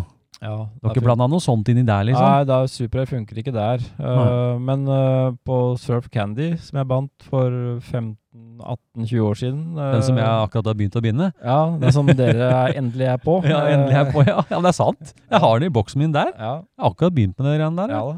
Så det, det, det var jo inspirasjon fra Bob Popovics. Eh, um, Mm. Da var det epoxy og Supra. De fiska jo veldig bra. Men igjen, best i klart vann.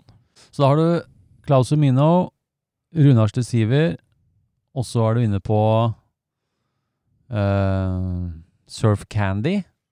Hva tenker Ja. du rundt det? Er det er, liker du bare å ha de store da, eller er det For jeg vet at rundover, nedover i sånn Mandalskroken og så vet jeg de fisker med mindre. Det er liksom pga. tobissen, tror jeg. Jeg vet ikke. Ja, altså Klauser er jo en slags uh, tobis det òg. For den er Ja, jo det er det øh, lang og tynn. Ja, ja, ja. Øh, så, og den i en olivenfarge er jo spot on. det er sikkert. Så, så at det øh, på Vestlandet, hva de fisker med der, vet jeg helt alt ikke. Men, men jeg har vel hørt noe om noen reker, pattegris, fluer, den type ting. mm. Uh, overrasker meg ikke at det uh, Nei, han fungerer, spiser fordi jo- havbjørn er jo Det spiser jo alt som kommer det. over når det er Altså vel å merke når det er inne på matjakt, da. Så, Ja, så altså det han, ikke øh, han Skanke, vet du, han er vaskebjørns far, som vi sier. Mm. Han øh, fikk en ganske stor abbor ned på nedover i Larvikskrokane. mm. Den hadde leppefisk i kjeften. Ja. Brune, disse her små leppefiskene, de Ja. bergylter og sånn. Ja, Jeg tviler ikke. Uh, også sett fra England. uh, på, på artikler derfra, så, Mm. er det også noe som går igjen der. Mm. Så, men jeg har ikke hatt noe hell uh, her i fjorden da, med, med pattegrisen. For du, jeg, jeg husker, jeg refererer litt altså, du husker i filmen din, og nå nevner jeg mye det da, for jeg, jeg sitter og tenker på det. for jeg ser deg foran meg på en måte, og så snakker vi om alvor. Men du sier at uh, fisken er morragretten. Syns du abboren har et sånn type, han har et sånn temperament? Han Ja, er litt sånn definitivt. bøss liksom, han Ja, er litt sånn her, Definitivt temperament. han har det. Ja, ja, ja. Så han liker det, liksom, vi tenker fluevalg, litt store, litt fluer som diver og danser, og Mm. han, liksom, du må treffe, du må liksom få tirre han litt på en eller annen sett. Ja, det er Eller- lett å tirre den, da, uh, syns jeg egentlig. Altså, han tar den liksom. ja, den er altså, altså, det er jo Jeg har jo hatt følgefisk og sånn uh, etter flua hvor de ikke har tatt og sånn, så Mm. de er jo ikke akkurat uh, high five uh, hver gang, liksom. Nei, Men uh, når de er først på, sånn, på morgenen og sånn, så er de inne for å spise. Uh, og da er det ikke vanskelig å be, altså. Det er Nei. jo fantastisk mye fluer som har uh, fanga havbor, egentlig. Eh, ja, så skjønner du, Jeløya-treffet i fjor, Runar. Så var det en kar, Tony Ellingsen, fikk havabbor på loppe. Mm. Ja. Skjønner du? Ja, ja. Og jeg, jeg skjønte ingenting. Han hadde jo aldri fått før. Han kom jo helt fra nord, tror jeg. Han Mm. reiste for å treffe her. Aldri fått sjøørret eller havabbor, tror jeg. Mm. Og fikk havabbor på loppe. Det skal jo ikke vært lov. Nei, nei. Nei det sier, det sier litt, eh, det sier kanskje litt også om hvor godt utvikla syn den har, og sanseapparatet, i og med at han jakter sånn i mørket og sånn. Mm. Ja, Uh, han får med seg mer enn det du tror. absolutt. Ja. Ja, ja. Så, øh, men øh, men flue, flueboksen min er, består av øh, enkle fluer, egentlig. Da. Liksom som sjøørretfisket Ja, ja. mitt også, egentlig. Eh, ikke mange mønster, mange forskjellige mønster, så Nei. noen fargevarianter. Er Eh, viktig, men å ha tunge og lette fluer i boksen, det skal man ha. Det har litt med variasjon i fisket å gjøre. ja, så det er ikke noe sånn typisk på våren har du vårhavabborfluer, eller på Nei. høsten har du høsthavabborfluer. Nei, Nei, det er ikke sånn. nei, ikke det hele tatt. Begynner du med sånn Første turen din, da. Første Mm. turen til avår, er det, liksom, er det klauser da? Eller er det liksom er det litt sånn etter lysforhold, grumsete vann? Det er vel noe greier der òg? Ja, i filmen faktisk, i åpningsscenen der, så er det jo da bruker jeg en klauser, hvor det er jo, jo øh, hvor jeg fisker dypere for vannet er kaldere. Mm. Uh, så, så Men hvis det er hvis det er øh, varmt og sånt, da, som det skal være da når du begynner havbærfiske, så, Mm. så, så fisker jeg alltid i det grunne vannet først, liksom. Ja, det gjør det. Uh, og da er det jo lette fluer også. Teppesild, rundarsle siver, ja. dypere klauser. Ja. Ja. Ja. Hva, hva har du i bindestikka nå om dagen, da, Runar? Hva er det liksom, du, du, du, jeg ser jo du legger ut, du har jo Instagram-konto. Mm. Der legger du plutselig ut litt bilder av litt Du, du er jo ikke, står jo ikke stille i fluebinderverdenen akkurat. Nei da. Det har ikke fluer seg, er- det? Nei, fluer er jo, er jo veldig morsomt, da. Ja, Er det noe hva du har nå, da? Hva er det du sitter og kåler deg med nå? Nei, jeg sitter og surrer litt med bucktail. Uh, Ja, hjortehår. Ja, Uh, i form av litt sånn uh, Jeg nevnte jo Bob Popovix. Mm. Som har vært min mentor, da, Mm. egentlig, Mm. Uh, på fluebinding. Mm. Uh, vært inspirasjon. Øh, vært heldig å få møte ham på messe i USA også. Fikk signert boka hans, Popflies og greier. Ja. Så det var, jo, det var jo sirkelen ja, det var kult. trivelig fyr. Så um, Så ja. Så det er litt sånn Han driver litt med sånn hollowtie-binding og sånn, og, mm. men også litt forskjellige andre kreasjoner, 3D, bucktail-fluer og sånn. Han er innovativ, altså. Ja da. Ja, det må jeg si. Jeg er ikke så veldig på det hollow-tie-greiene. Det er kult og alt det der. Du kan binde helt syke store fluer uten at de er Det er vel derfor han gjør det? At ja. han lager liksom type ja, 15-20 cm flue, liksom? Ja da, men jeg tenker, egentlig, jeg tenker egentlig på det Jeg binder jo fluer etter fisket mitt her i fjorden.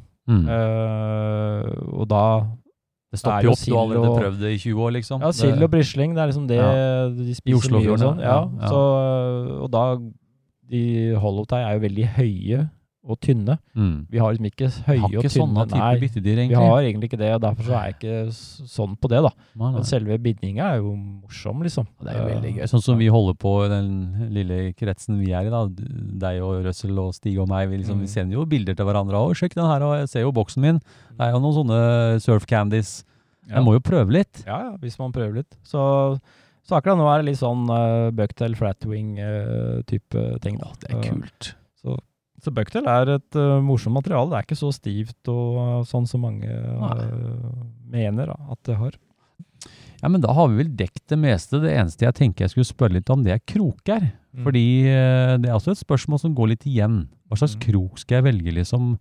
Hva, hva, hva, er det du kan anbefale, hvis en tar noen få kroker, da? Ja, nei, altså jeg har jo brukt Opp gjennom åra så har jeg brukt mye under Moskito-kroken. Mm.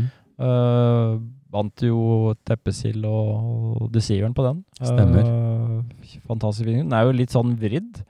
Ja, men den kan du rette opp hvis du bryr deg i huet, kan du ikke det? Nei, det kan du ikke. Nei. Men, uh, Hvorfor men, ikke? nei, da knekker hun ellers så Du tuller med herdinga ja, sånn?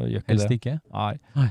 Så, så, det betyr at den kanskje da vrir litt på seg. Men det er, jeg, er ikke, nei, jeg er ikke opptatt av at fluen skal gå lynrett i vannet. egentlig. Jeg vil heller ha det kanskje bikker litt på seg, så det ser ut som en skada fisk, egentlig. Mm.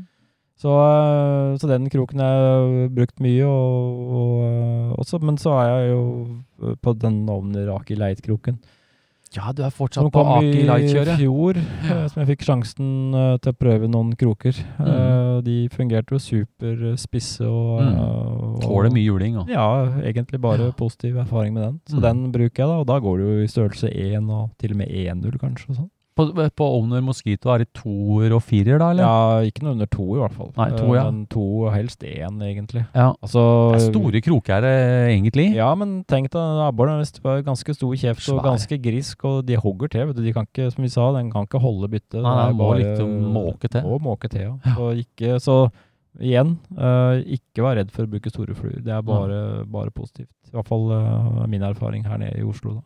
Så du har Owner Mosquito uh, Aki Light. Mm. Og så har vi vel prøvd noen andre kroker òg? Ja, du har jo denne ovner SSV, uh, som er litt lik Mosquito, uh, mm. men som er en anelse tjukkere. Mm. Det er også en fin krok, men det er litt samme kroken. da, Jeg har jo en krok som jeg har brukt mye rundt, det er den uh, TMK 811S. Det er vel en som begynner å bli litt kjedelig, den kroken nå kanskje. men det er jo en ja, er traver. Den holder mål, den. Absolutt. fin krok. brukte jo den fast på Klauser og sånn. Ja. Uh, jeg bandt vel også de aller, aller første deceiverne på den kroken. Ja, du gjorde det? Ja. Uh, ja. 80 LVS. Før jeg gikk over til Mosquito-kroken. Ja. Så det er jo et fin krok. Det er mye fine kroker. Uh, Veldig mye fine kroker, men ikke, ikke, Jeg pleier å si det, skal du kjøpe krok, så kjøp noe ordentlig. Ja, da, det er ikke der du skal spare du skal, på nei, pengene. Unnskyld at jeg sier det, men kjøp nå for guds skyld noen ordentlige kroker. Ja, enig i det. Men Runar, nå skal vi faktisk over til nyspalte. Ja, utstyr, ja. Jeg kan anbefale talkum på tærne før du hiver på deg vaderne. Altså, Helt i startfasen så er det jo et hav av utstyr. Trenger man alt det her eh, utstyret, da? Ja, det er bare Å, jeg laga flyaluminium, vet du. Det er helt rått. Hei! Utstyrssnakkis. Har du spørsmål om fiskeutstyr, lurer du på hvilket fluestyr du bør ha til kystfiske? Er du helt i nybegynnerfasen og aner ikke hva du skal kjøpe. I denne spalten snakker vi om fiskeutstyr som er aktuelt for fluefiske i sjøen. Da, da, da, Nå er vi inne på noe Vi, kunne vel lagt på en time og halvannen hvis vi skulle begynne å snakke om utstyr, Runar, men jeg tror vi kan koke det ned til litt enklere enn som så. Ja da, ikke noe problem. Det er havabbor? Ja da, absolutt. Eh, fordi det er veldig mange som lurer på det med når de skal begynne med havabbor, må jeg kjøpe noe annet Mm. enn det de allerede har hvis de driver med sjøørretfiske? Mm. Nei da, det er øh, Det er så greit at uh, mange fisker sjøørret. Mm. Den stanga funker jo Klasse Lik- 7-type, liksom? like Ja, ja. Ja, ja. Jeg går med en, uh, Winston Airsolt klasse 7, både sjøørret og havår. Gjør du òg? Ja, ja. Har du også airsolt? Ja, ja. Jeg skjønner det. ja. Nei da, det er, det, er, det er mye gode stenger. Så, men en klasse 7 er helt perfekt. Altså, på på havbordfilmen så, så bruker jeg en, øh, en øh, Sage 8.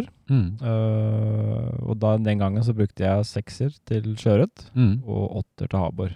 Å oh, ja, du gjorde det, ja. Ja, for jeg brukte større fluer og Ja, jeg skjønner. sånn. ja, ja. Men så ble jeg fiske dårlig i fjorden på sjøørret, og så skulle jeg fiske litt mer utaskjærs og litt sånn, og da syns jeg sjuer gjør en bedre jobb, da. Ja. Så er det jo marginalt forskjell egentlig i bøyningskurve da, på seks og syv. Ja. Så da ble det at jeg gikk med syver, eh, både til sjøørret og havår. Da Mm. slapp jeg å ha flere liner òg, egentlig. Mm. Så jeg gjorde det enklere for meg sjøl, da. Så jeg tenker når du stikker til Nå tenker jeg jo her, da. Tenker jeg på den nordisk. Når folk kommer hit og Ja, nå skal jeg i gang med sjøørretfiske. Så du, kjøper du egentlig også utstyr til havårfiske. Det er jo ikke noe Nei, nei. Det eneste jeg tenker på, er jo, er jo også stang er greit, klasse syv. Ni fot syver. Ja. Men jeg tenker jo litt på snella. Mm. For der igjen, dette drar. Hvis du får en litt stor en, så, ja så er det litt sånn greit å ha en brems. Ja da, du, du, du får jo uansett ikke sett masse meter backing på en kilo habor. Uh, selv om den er jo sterk, for, sterk for størrelsen. Ja, det er men, sant, da. Men det som, er, uh, det som er viktigst, er jo at bremsen er jevn. Den bør jo ikke være sånn superkraftig, men at den er jevn. Hjem, At ja. du har en sånn grei start med sånn at det ikke er noen sånn røkkete greier underveis, da. Ikke sant? Uh, så det er også veldig mye gode sneller. Uh, Ja, du har jo ganske bra utvalg her, da, for ja, å si det mildt. Da, ja, ja. Du har jo, får jo kanonsnelle på, på uh, liquiden til Lamson, eksempel. Eh, Liquid til Lamson, Ja, ja. Det er jo kanon uh, snelle til en uh, tusenlapp, liksom. Ja. Og at det tåler saltvann, da. ja, ja. Ikke sant? Det blir jo som sjøørret. Det skal jo, er du i salt, så burde det tåle litt saltvann. Ja, ja, men det skal skyldes etterpå. Ja. Uansett om det koster 10 000 eller 1000, så skal det skyldes. Uh, Ja, det er salt, sant. eh, Saltet er, eh, er Ja, det skal bort. Mm. Så du har jo, ja, ja, du bruker samme stanga. Nifot klasse 7, du har, samme, du har en sne, samme snella, egentlig. Ja. Fortomsmessig tenker jeg liksom sånn uh, Er det en egen Ja, er det Nei, det er ikke noe egen formel på det. Jeg har jo den uh, Knute-fordomsfilmen vår på, på YouTube. Den linken linken har jeg delt en del, for å si det sånn. Så det er egentlig uh, samme formel jeg bruker, uh, bare at jeg går fra 26, og så bruker jeg da 28,5 da. Ja. Så det er liksom ikke noe sånn Jeg liksom tenkte at her blir det masse, men det er jo ikke det. Det er forholdsvis ikke. enkelt å komme i gang i. Ja, ja. Og liner også. Det er Når jeg fisker ved land, så bruker jeg, øh, bruke en sånn saktesynkende line. Mm. Øh, Type Hoover eller Hva er det du bruker? Nei, jeg bruker mer enn det. Jeg liker å bruke noe som synker sånn 3-4 cm sekundet Ja. uh, fra land, da. Ja. Uh, noe som da noen har funnet på å kalle fast intermediate, da. Jeg, synes Jeg blir det- bare, syns det bare er rør med alt det her. ja, intermediate, fast intermediate er jo en synkerad, så fast og slow intermediate, men, men det er jo fast intermediate er jo en synk 1, da. Ja, det blir det jo. Mer, ja, Ja, ikke sant? Men Ja. du ser på, som du sa, du ser på 3-4 sek eh, centimeter i sekundet. Det er Ja. det man fokuserer på. Inne på det grunne vannet så er det den lina som, uh, som uh, funker best for meg. Og så har jeg da Klauser i tillegg, Mm. Uh, og jeg nevnte jo tidligere at det fisker jo da ofte fra 1 til 3 meter, veldig produktivt, eller si 1 til 5 da. Mm. Og det fikser jo fint med en sånn type line, og så en Klauser som, med litt store manualøyne, som synker fort, så dekker du det dypet veldig greit Ja. da. Ja. Hvis du rykker ut i båt, da, pontong. Ja, da, da er det jo helt motsatt da. Da fisker jeg jo fra land og utover, så da blir det dypere vann for så vidt fortere da. Ja, det gjør det. Så da har jeg ofte en synk 3-line øh, fra båten da. Går litt fortere ned, ja. Synker litt fortere ned. ja. Er det noe spesiell line du favoriserer? Jeg må jo spørre om det. Liksom det hvilke line Ja. går du med, Runar? Kan du Ja, nei, jeg har jo Rio-liner og SA-liner. Ja. Uh, så uh, Rio har jo egentlig, hvert fall akkurat nå, eh, en sånn god en eh, Rio Quick-shooter. Quick-shooter var ja, Coastal ja. Quick-shooter. En Ja. synke 3 det er jo strålende line til, eh, til Haborn. mm. Uh, og så har jeg en Rio Altbahn Intermediate Sync 3. eh, en sånn short-utgave fra Pontongen. Eh, Mm. det, det er jo ett luftkass, nesten. ja, Ikke sant. Og så har jeg også um, Sonar Titan til, til SA Ja. I 135. Uh, 1, 3, 5, ja. Hva er det jeg har, da? H24? Ja, også fin synkegrad. Nydelig. Så, uh, så Fra det er båt, da. Fra båt, da. Ja, Ja. fine liner. Og, og, men er det dybde fra land, så kan man bruke de linene også. Du klarer deg egentlig Ja. med én line hvis du fisker fra land. Ja, fra tenker land du? så vil jeg påstå det nesten. Ja, Ja, nesten, Uh, ja. ja. Vi har fått et uh, lyttespørsmål i spalten her, faktisk. Mm. Eh, det er fra Strandet Stingsild. Han er en eh, fast innsender, skjønner du. -hmm. Hei igjen. Jo, hei, sier vi da. Hei og hei. Hei, ja. Jeg har et spørsmål til Runar. Det lyder som følger. Hvis du går med SA Sonar Titan H24 og fisker ifra land etter havabbor, hvordan ville fortommen, fortomoppsettet sett ut da? Mm. Det har vi jo ja, på forhånd. eh, På forhånd eh, takk for svar. Mm. Fortsatt god sommer. Med vennlig hilsen Strandet Stingsild. Mm. Ja. Ja, vi var jo så vidt innom det. Uh, Line er jo strålende. Uh, du nevnte jo den akkurat Ja, også. veldig fin. Så, um, så uh, oppsettet på det er egentlig veldig likt, uh, i og med at den synker forholdsvis fort. da. Mm. Så fortommene er som sjøørreten 10 fots lengde, da. Mm. Med da en tjukkere spiss 28 pluss. Og så på, på hurtigsynkeline, da, så kan jeg godt bruke en kortere fortom. Altså ikke han henger som sånn ja, sånn flua er litt der oppe og lina der nede, Ja. da. Så det jevner seg litt ut. Og da jeg bruker den uh, lina som han nevner, men 1,35, som Ja. synker en anelse raskere, så kan jeg bruke en 9 fots fortom eller 2,5 meter. øh, Det er ikke så nøye. Korter du inn i tjukkdelen eller spissen da? Ja, jeg, når jeg bygger fortom, så er buttdelen alltid halve fortommen. Den er alltid halve fortommen? Ja, så hvis du har en 9 fot, da, 2,7 meter, så er den røftlig da 1,35. Uh, halve fortommen. Mm. Uh, og så er midtdelen uh, litt kort. Den blir jo det hvis du skalerer alt ned, da. Ja, ja. Ja, ja altså man, skal, man har utgangspunktet på 10 fot, da. Mm. Så bare skalerer man ned sånn Mm. prosentmessig. Så, Mm. Men uansett, da, på synkefortommen, det er ikke noe, blir ikke noe tørrfluenedlegg uansett. Da, det er det her. Det skal du i da Så det er, Det er dere ute i. Ja da. Så du kunne sikkert ha brukt uh, 0,30 hele veien også, for den saks skyld. da. Ja. Det er greit at det, er sånn- ruller litt, Men det skal rulle litt, ja. Jeg Ja, det skjønner skal det. Men, eh, men, eh, men eh, maks 10 fot, og, men helst kanskje 8 eller 9 fot. Mm. Se på filmen på YouTube. Ja. Jeg legger opp link til den uh, fortomsfilmen under i spalten, eller under i beskrivelsen her, Runar. Ja. ja. men bra. Da vi skal over til ny spalte, vi. Kom gjerne med et dilemma. Ja, når på året er det best å fiske sjøørret? Hva for flue best, da? Hm? Hva ville du gjort? Bornholm eller byen? Lytterspørsmål! Vi i Sjøørretterapi leser opp og svarer på spørsmål fra dere lytterne. Jeg må le litt av den jingeren, skjønner du. Den får meg litt sånn latterlig. Ja, det er morsom ingen. Det er ganske morsomt. Eh, som vanlig, folkens, tusen takk for alle bidrag. Det her, Jeg nevner det hver gang. Eh, jeg har tatt vare på alt. Og hvis ikke du har fått svar av meg fordi, sånn når du har sendt inn, så er det fordi altså, jeg har lagra Alt ligger lagra og sortert. Det er ingenting som går i glemmeboka.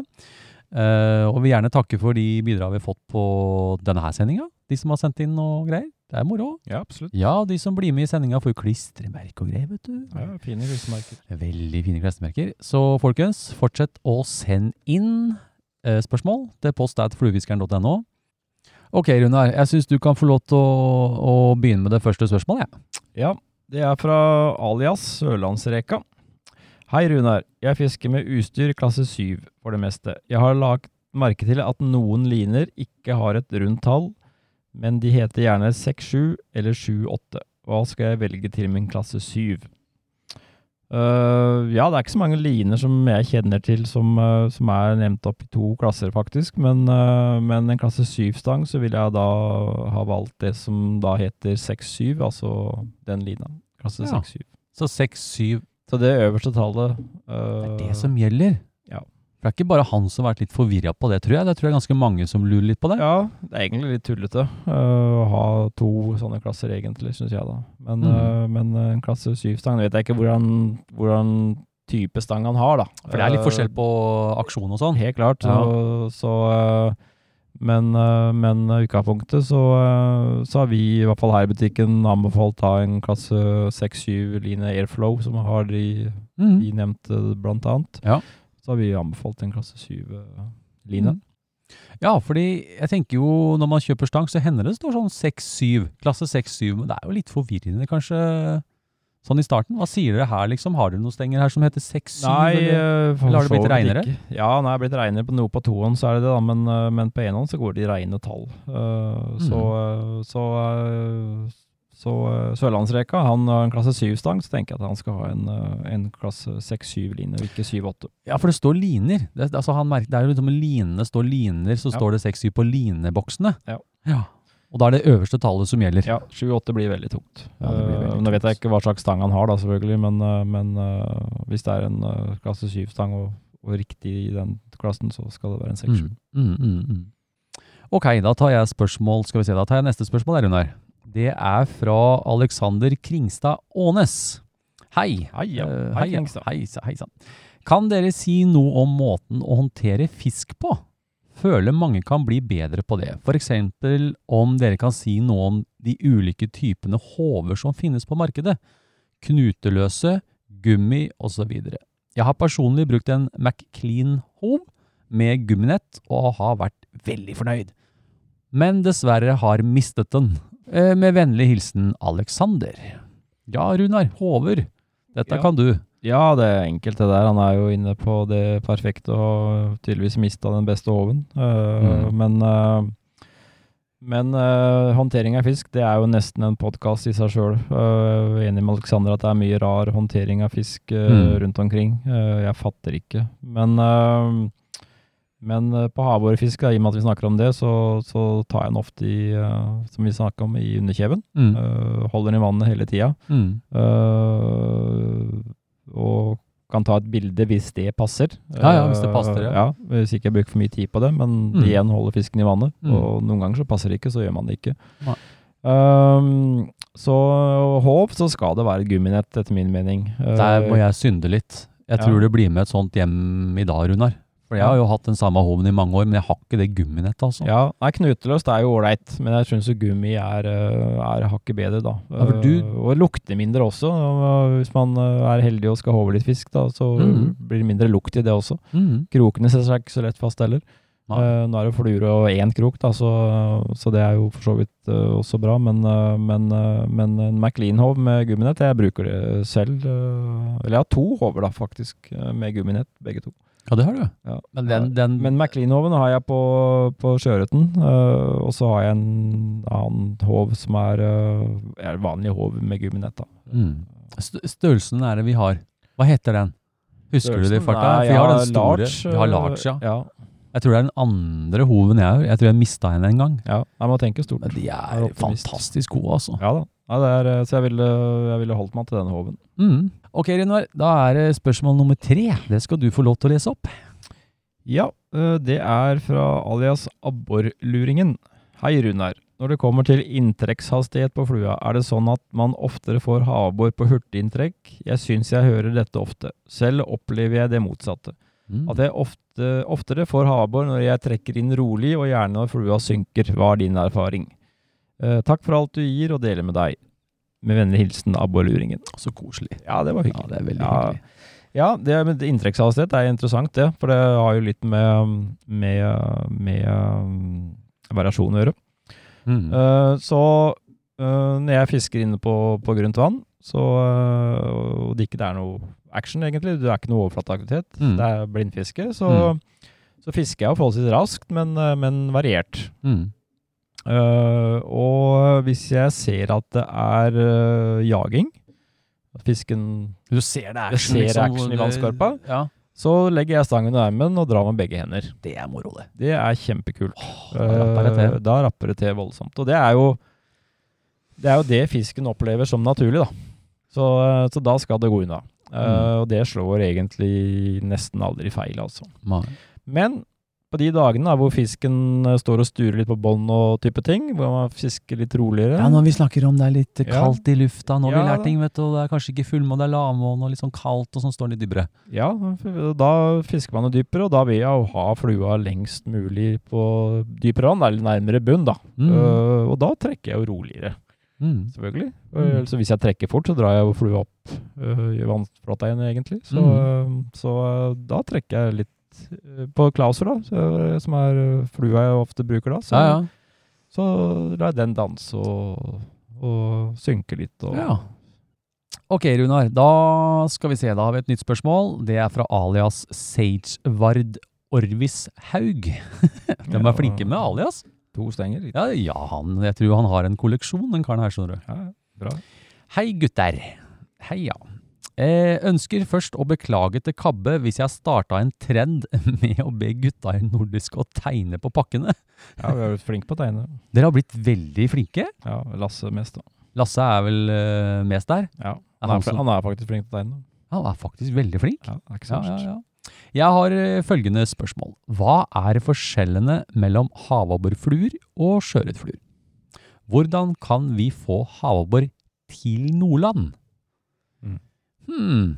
Det med fluene er jo ganske greit, den har vi jo tatt for oss. Ja, vi snakka litt om fluer, og det er jo hovedsakelig uh, størrelse, da. Ja, Øh, og litt større I hvert fall for min del, så, så øh, Jeg får jo sjøørret på, på store fluer, og det er jo absolutt, men, men sånn i grove trekk, da, for Mm. folk flest, så, Mm. så er det jo størrelsen. Mm. Uh, og igjen, uh, ikke vær redd for å bruke store fluer. Uh, Eller stor krok. ja, Ja, krok, store Kjør på. fluer. Ja. Ja. Så det er, øh, det er øh, veldig greit. Mm. Men å få havabboren til Nordland, her er det vel noe vanntemperatur som kicker inn, vel?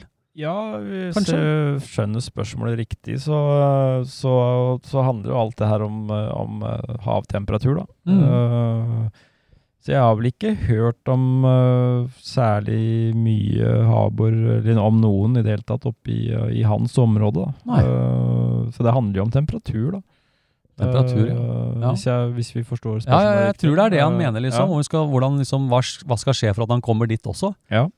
Så øh, ja, da må det, må det vel til med noe enda mer klima. Og, ja, ikke sant? Det er, det er jo litt uff da, det er jeg helt Ja, enig i. Så, ja. um, For de ser vel sikkert på Vestlandet, så ser de da de her eh, abborene de får der. mm, Og så tenker de at det er ikke Ja, det er et stykke, da. det er et stykke opp. Og det er noen andre- akkurat hvor i Nordland han bor, om det er Nei, nei. sør eller nord, liksom. Men, Ja. øh, men, øh, men, men som jeg sa tidligere, Mm. Bodø har jeg hørt om, hørt om øh, og Trøndelag og sånn, hørt om, øh, om tatt havbor, men det er veldig få. Ja, det Da vet jeg jo heller ikke hvor mange som egentlig gjør en innsats på det der oppe. Ja, det det. Men, der er, øh, tipper det er ganske mye vann imellom. Mm. Men makrellen den er jo stadig lenger og lenger er nordover, da, så vet du aldri, da. Så, Man vet aldri. Du må ut og prøve. Ja, Han må ut og prøve. ja. Eller så kan du komme hit, da. selvfølgelig. Det er jo alltid en mulighet. Ja, ja. Uh, ok, vi går videre til neste spørsmål, vi, Runar. ja. Uh, det er fra Thomas Edvardsen. Hei, Thomas. Nei, du. Jeg hørte nettopp noen si at havabbor ikke finnes der makrellen jakter. Er det noe hold i dette? Jeg fisker mest i utløpet av Drammensfjorden. Jeg har ikke fått gleden av å få havabbor enda. Hvor burde jeg dra for å finne den? Med vennlig hilsen Thomas Edvardsen. Mm. Dette med makrell, eh, Runar. Ja. Abbor. Ja, ja. Nei, det er, øh, de er kompiser. Så, De er kompiser, ja. Ja, ja. Nei da, herregud, det er ikke ofte jeg har fått uh, makrell på det ene kastet og abbor på neste, så det, det stemmer ikke. Uh, så det, de går gjerne sammen. De går sammen, ja. Uh, ja, ja. Så, Utløpet av Drammensfjorden. Hva Ja. tenker du om det? men en annen ting her, skjønner du. Uh, da makrellen jakter, for det er litt vesentlig. Uh, fordi når jeg er ute på fjorden, og ute i pontongen eksempel, Mm. Så ser du måker som stuper ned, ikke sant? Og hvis det er litt sånn midtfjords, eller flere hundre meter fra land da, Mm. så er ikke jeg så veldig gira på det egentlig. Å banke ut der, liksom? Nei, jeg er ikke det. Eh, fordi det er, uh, det er mest makrell, da. Mm. Så jo nærmere land det der er, Kokinga, liksom? Ja. Kokinga når det er toppaktivitet? jo mer, eh, mer havbor er det. For jeg, mitt inntrykk er at uh, havboren har en plan med ting. Eh, den presser gjerne brislingen eller silda inn på grunna, for det blir lettere å ta den. Mm. Uh, makrellen er jeg opplever med som mer sånn der bare jazze litt rundt. Og, Den jazzer har den ikke jazzer noe- rundt. Har ikke noe særlig plan med det. Uh, Du klarer ikke å ligge stille engang, Runar, eller makrellen. Nei. Nei. Så, uh, så, uh, så jo nærmere land det er jeg, Mange ganger hvor jeg har sett uh, måker som stuper ned flere hundre meter fra land, Mm. og så har jeg også samtidig sett måker som er stuper ned 5-10-15 meter fra land. Mm. Så uh, da har jeg kjørt forbi uh, uh, eller De stimene, liksom. rodd eller kjørt med Ja, ja, ja. forbi der, og så tatt de, konsentrert meg på det som er nærmest land. Og oftest uh, lykkes med det, da. Men eh, Drammensfjorden jeg er ikke kjent, men da tenker du eh, Kanskje han burde begynne å tenke etter hvor Det er jo sikkert noen makrellplasser han har langs land der, hvor alle står og fisker makrell. Type å begynne å tenke på de plassene, da. At liksom det er, at, som vi snakka om tidligere, med de her hyllene og Ja, men makrellen er jo der som uh, byttefisken er, da. Uh, de svømmer jo rundt. Ja. Uh, og makrellen må jo svømme rundt, ellers så drukner den jo. Ja, den ligger jo ikke stille. Uh, nei. Så, så der det er makrell, er det jo, er jo sild eller brisling, og der Mm. er det jo selvfølgelig også havbor. Så det er jo et bra utgangspunkt, Mm. selvfølgelig. Uh, men Sandebukta er jo også et uh, er jo et fint abborsted vært. Jeg har hørt om det, skjønner at de får Det litt er ikke abbor. så langt unna Nei, det er ikke det. der han holder til, holdt jeg på å si. Ja, litt, ja. så øh, men men men ja. Makrell og abbor går fint sammen. Mm. Vi begynner å nærme oss slutten her, og jeg syns jeg husker du sa noe om noen DVD-er. Mm. Hva tenker du, skal vi ta og trekke? Ja da. Og har jeg lista på alle de som har sendt inn bidrag og klart utfordringene. Mm. Det er jo det òg, vet du, med klistremerket. Og nå sier du bare stopp. Vi gjør det så enkelt. Ja, vi sitter på hver side av bordet her, så Ja, ja du veit jo ikke hvordan lista mi ser ut. Nei. nei, nei. Så si stopp, da. Stopp. Ja, se her, ja. Vet du hvem det er, eller? Det er faktisk ei dame. Ok. Elisabeth Dryfly! Så Du får en DVD! Woohoo! Da kommer det. Jeg har adressen din, Elisabeth. Ja, Du har fått klistremerke òg, du. se Da det. kommer en DVD til hun. Er du klar igjen, Runar? Jeg er klar. Eh, si stopp. Stopp. Skal vi se Nei, dæsken. Nå, skal du, nå må vi sende DVD til Sverige, Runar. Au da. ja, men det, jeg vet ikke om du får noe havover der nede? Jo, jo. Vi gjør kanskje det? Vestkysten av Sverige, ja. Ja, dette er nemlig Kalle Eklin. Min kjære venn Kalle. Nå var du heldig, nå får du en eh, DVD. Eh, vi fortsetter videre. Eh, si stopp. Stopp. Og bare så du vet det, så nå tok jeg fingeren fra båndet oppover. Så at jeg liksom Ja, gjør det litt ser jo ikke jeg. Men du ser ikke det. Vet du hvem som har vunnet nå? Det er faktisk Sørlandsreka, det syns jeg. Gratulerer, Sørlandsreka, du får en signert DVD! Vi har to igjen. Eh, Nå skal jeg gå litt Si stopp, da. Skal vi se, det blir Det er Mr. Kim Brede! Hei da, Kim og Kimmi! Da får du en DVD, du også. Han er også flink til å sende inn bidrag, skjønner du. Ja. Det er sånn faste Hyggelig at de får filt, da. ja, det syns jeg er gøy. Ok, da har vi siste, siste DVD-en. Skal vi se hvem den går til. Da er du klar, Runar? Mm. Siste stopp. Stopp. Det er, skal vi se Ja, nå er jeg litt sånn Nei, den, den, hvis vi går etter den, ja, da er det Solti Maximus! Yeah. Det er sånn alias, da. De har jo litt alias. Gratulerer. navnet. Ja, det er nettopp det. Han, han fikk jo Det passer bra at han får litt uh, abborfilm. Ja, ja. Signerte DVD-er av Runar Kabbe kommer i posten, folkens. Jeg tror vel jeg har adressen til samtlige, så jeg bare sender i posten. Mm. Ok, Runar. Nå er det litt sånn uh, Før vi avslutter, så skal vi ha sendingens utfordring. Mhm. Og jeg snakka litt med Larsen. Stig Larsen. Mm. Jeg spurte litt han i forhold til Du, vi trenger en utfordring denne sendinga her. Og han er jo som sagt ute på båten sin ute på øya og sitter og eh, lager blåskjellsuppe og, og, og horngjell... Hva var det for noe? Horngjell Horngjell-lapskaus. Horngjell-lapskaus. Horngjell-bagett, var det. Horngjell-bagett. og jeg spurte, Rune- eh, spurte Stig Og han sa det. Eh, ta en selfie med en strandkrabbe. Og bruk hashtag skjøretterapi, så sender vi deg et skjøretterapi-klistremerke. Og i dag så hadde jo jeg med meg en rull, eh, Runar. Mhm. Nå har du fått det i butikken. Har det. Det vil si at eh, er det minne om her, shoppe litt. Shoppe litt. Eller ikke. Tar en prat, stikker innom. Få en kaffe. Få en kaffe. Kan de få et klistremerke? Mm. Ja, ja, ja, det ligger på benken her sånn. Ja. Eh, og sånn som jeg har gjort det, som, så er det sånn at du kan faktisk, eh, hvis du, hvis du liksom klarer utfordringene igjennom nå resten av året, så kan du samle opp merker. Jeg har full oversikt, og de som da får flest merker, de blir med på en sånn topp tre, et eller annet sånn premiegreier. Vi skal lage en sånn i slutten av året, tenkte jeg da. Ja. Kan vi finne på noe artig med noen Ja. premier. Ja. Uh, tenkte jeg. Ja. Uh, så det er utfordringa, folkens. Uh, ja. nå ble jeg litt sånn, jeg ble litt sånn Nå er det liksom ferdig, Runar. Ja, vi gjør det. Det er himmel og hav. Tida går fort. Jo, men uh, i dag så jeg, jeg har ikke stressa noen ting. Jeg har bare gleda meg. Bare endelig så skal de få det de har spurt om. Ja, det er utrolig hva man kan uh, få ut og prate om fiske. Altså. Det, det er gøy, da.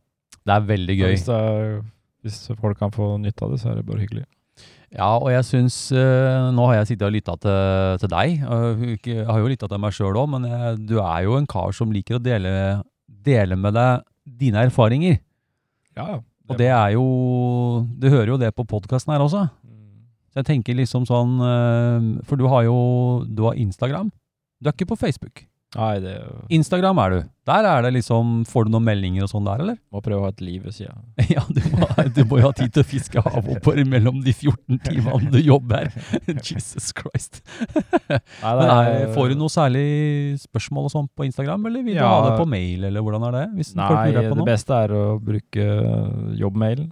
Ja, Runar at nfisk.no. ja, kan de sende en mail til deg hvis de lurer Ja, ja. på noe? Eller stikke innom butikken, eller ringe da. Ja, ja. Kanskje ikke så lett. Dere er tar jo telefon nå, eller er det kaos? Nå er det jo Kom innom. Akkurat, nå er det faktisk vanskelig kom å, å svare på telefoner. Ja. Vi prøver å svare de fleste, altså, for all del, men uh, nå har det vært hyggelig travelt. Hyggelig travelt. Ja. Virkelig. Eh, ja, men folkens, husk eh, å fortsette å sende inn bidrag. Jeg har veldig mye liggende eh, som jeg skal bruke. Nå setter vi jo i gang igjen. Stig er snart ferdig med ferien sin. Ja, ja. Da er vi i gang igjen med vanlig skjøret uh, preik. Og uh, ja, nei, da vil vi sende det til post at fluefiskeren.no, da. Jeg har nesten ikke lyst til å slutte, Runar. Nei. eh, Ja, jeg syns det her var fryktelig gøy. Tusen hjertelig takk. ja, ja, selv Takk takk for en fantastisk sending. Ja, selv takk. Jeg har virkelig kosa meg. Og kaffen har aldri smakt så godt noen gang. Ja, nei. Det Jeg har har vært- hatt ny kaffetrakter, skjønner du. Å, har jeg fått ny kaffetrakter? Ja, En veldig god grunn til å komme meg inn i butikken, da. ja, Her står kanna full hele tida. Ja da, nei, da, jeg måtte investere i en ny kaffetrakter. Ja. Nei, men du, da er det vel uh, bare én ting igjen å gjøre da, Runar. Vi får Ja. være med på det vi bruker å gjøre. Ja, jeg har lært det forrige gang. Ja, du har det? Ja, Er du klar? Ha en fluefin dag. Denne sendingen er sponset av Nordisk Fiskeutstyr. Husk å sende inn ditt bidrag til post at fluefiskeren.no til neste sending.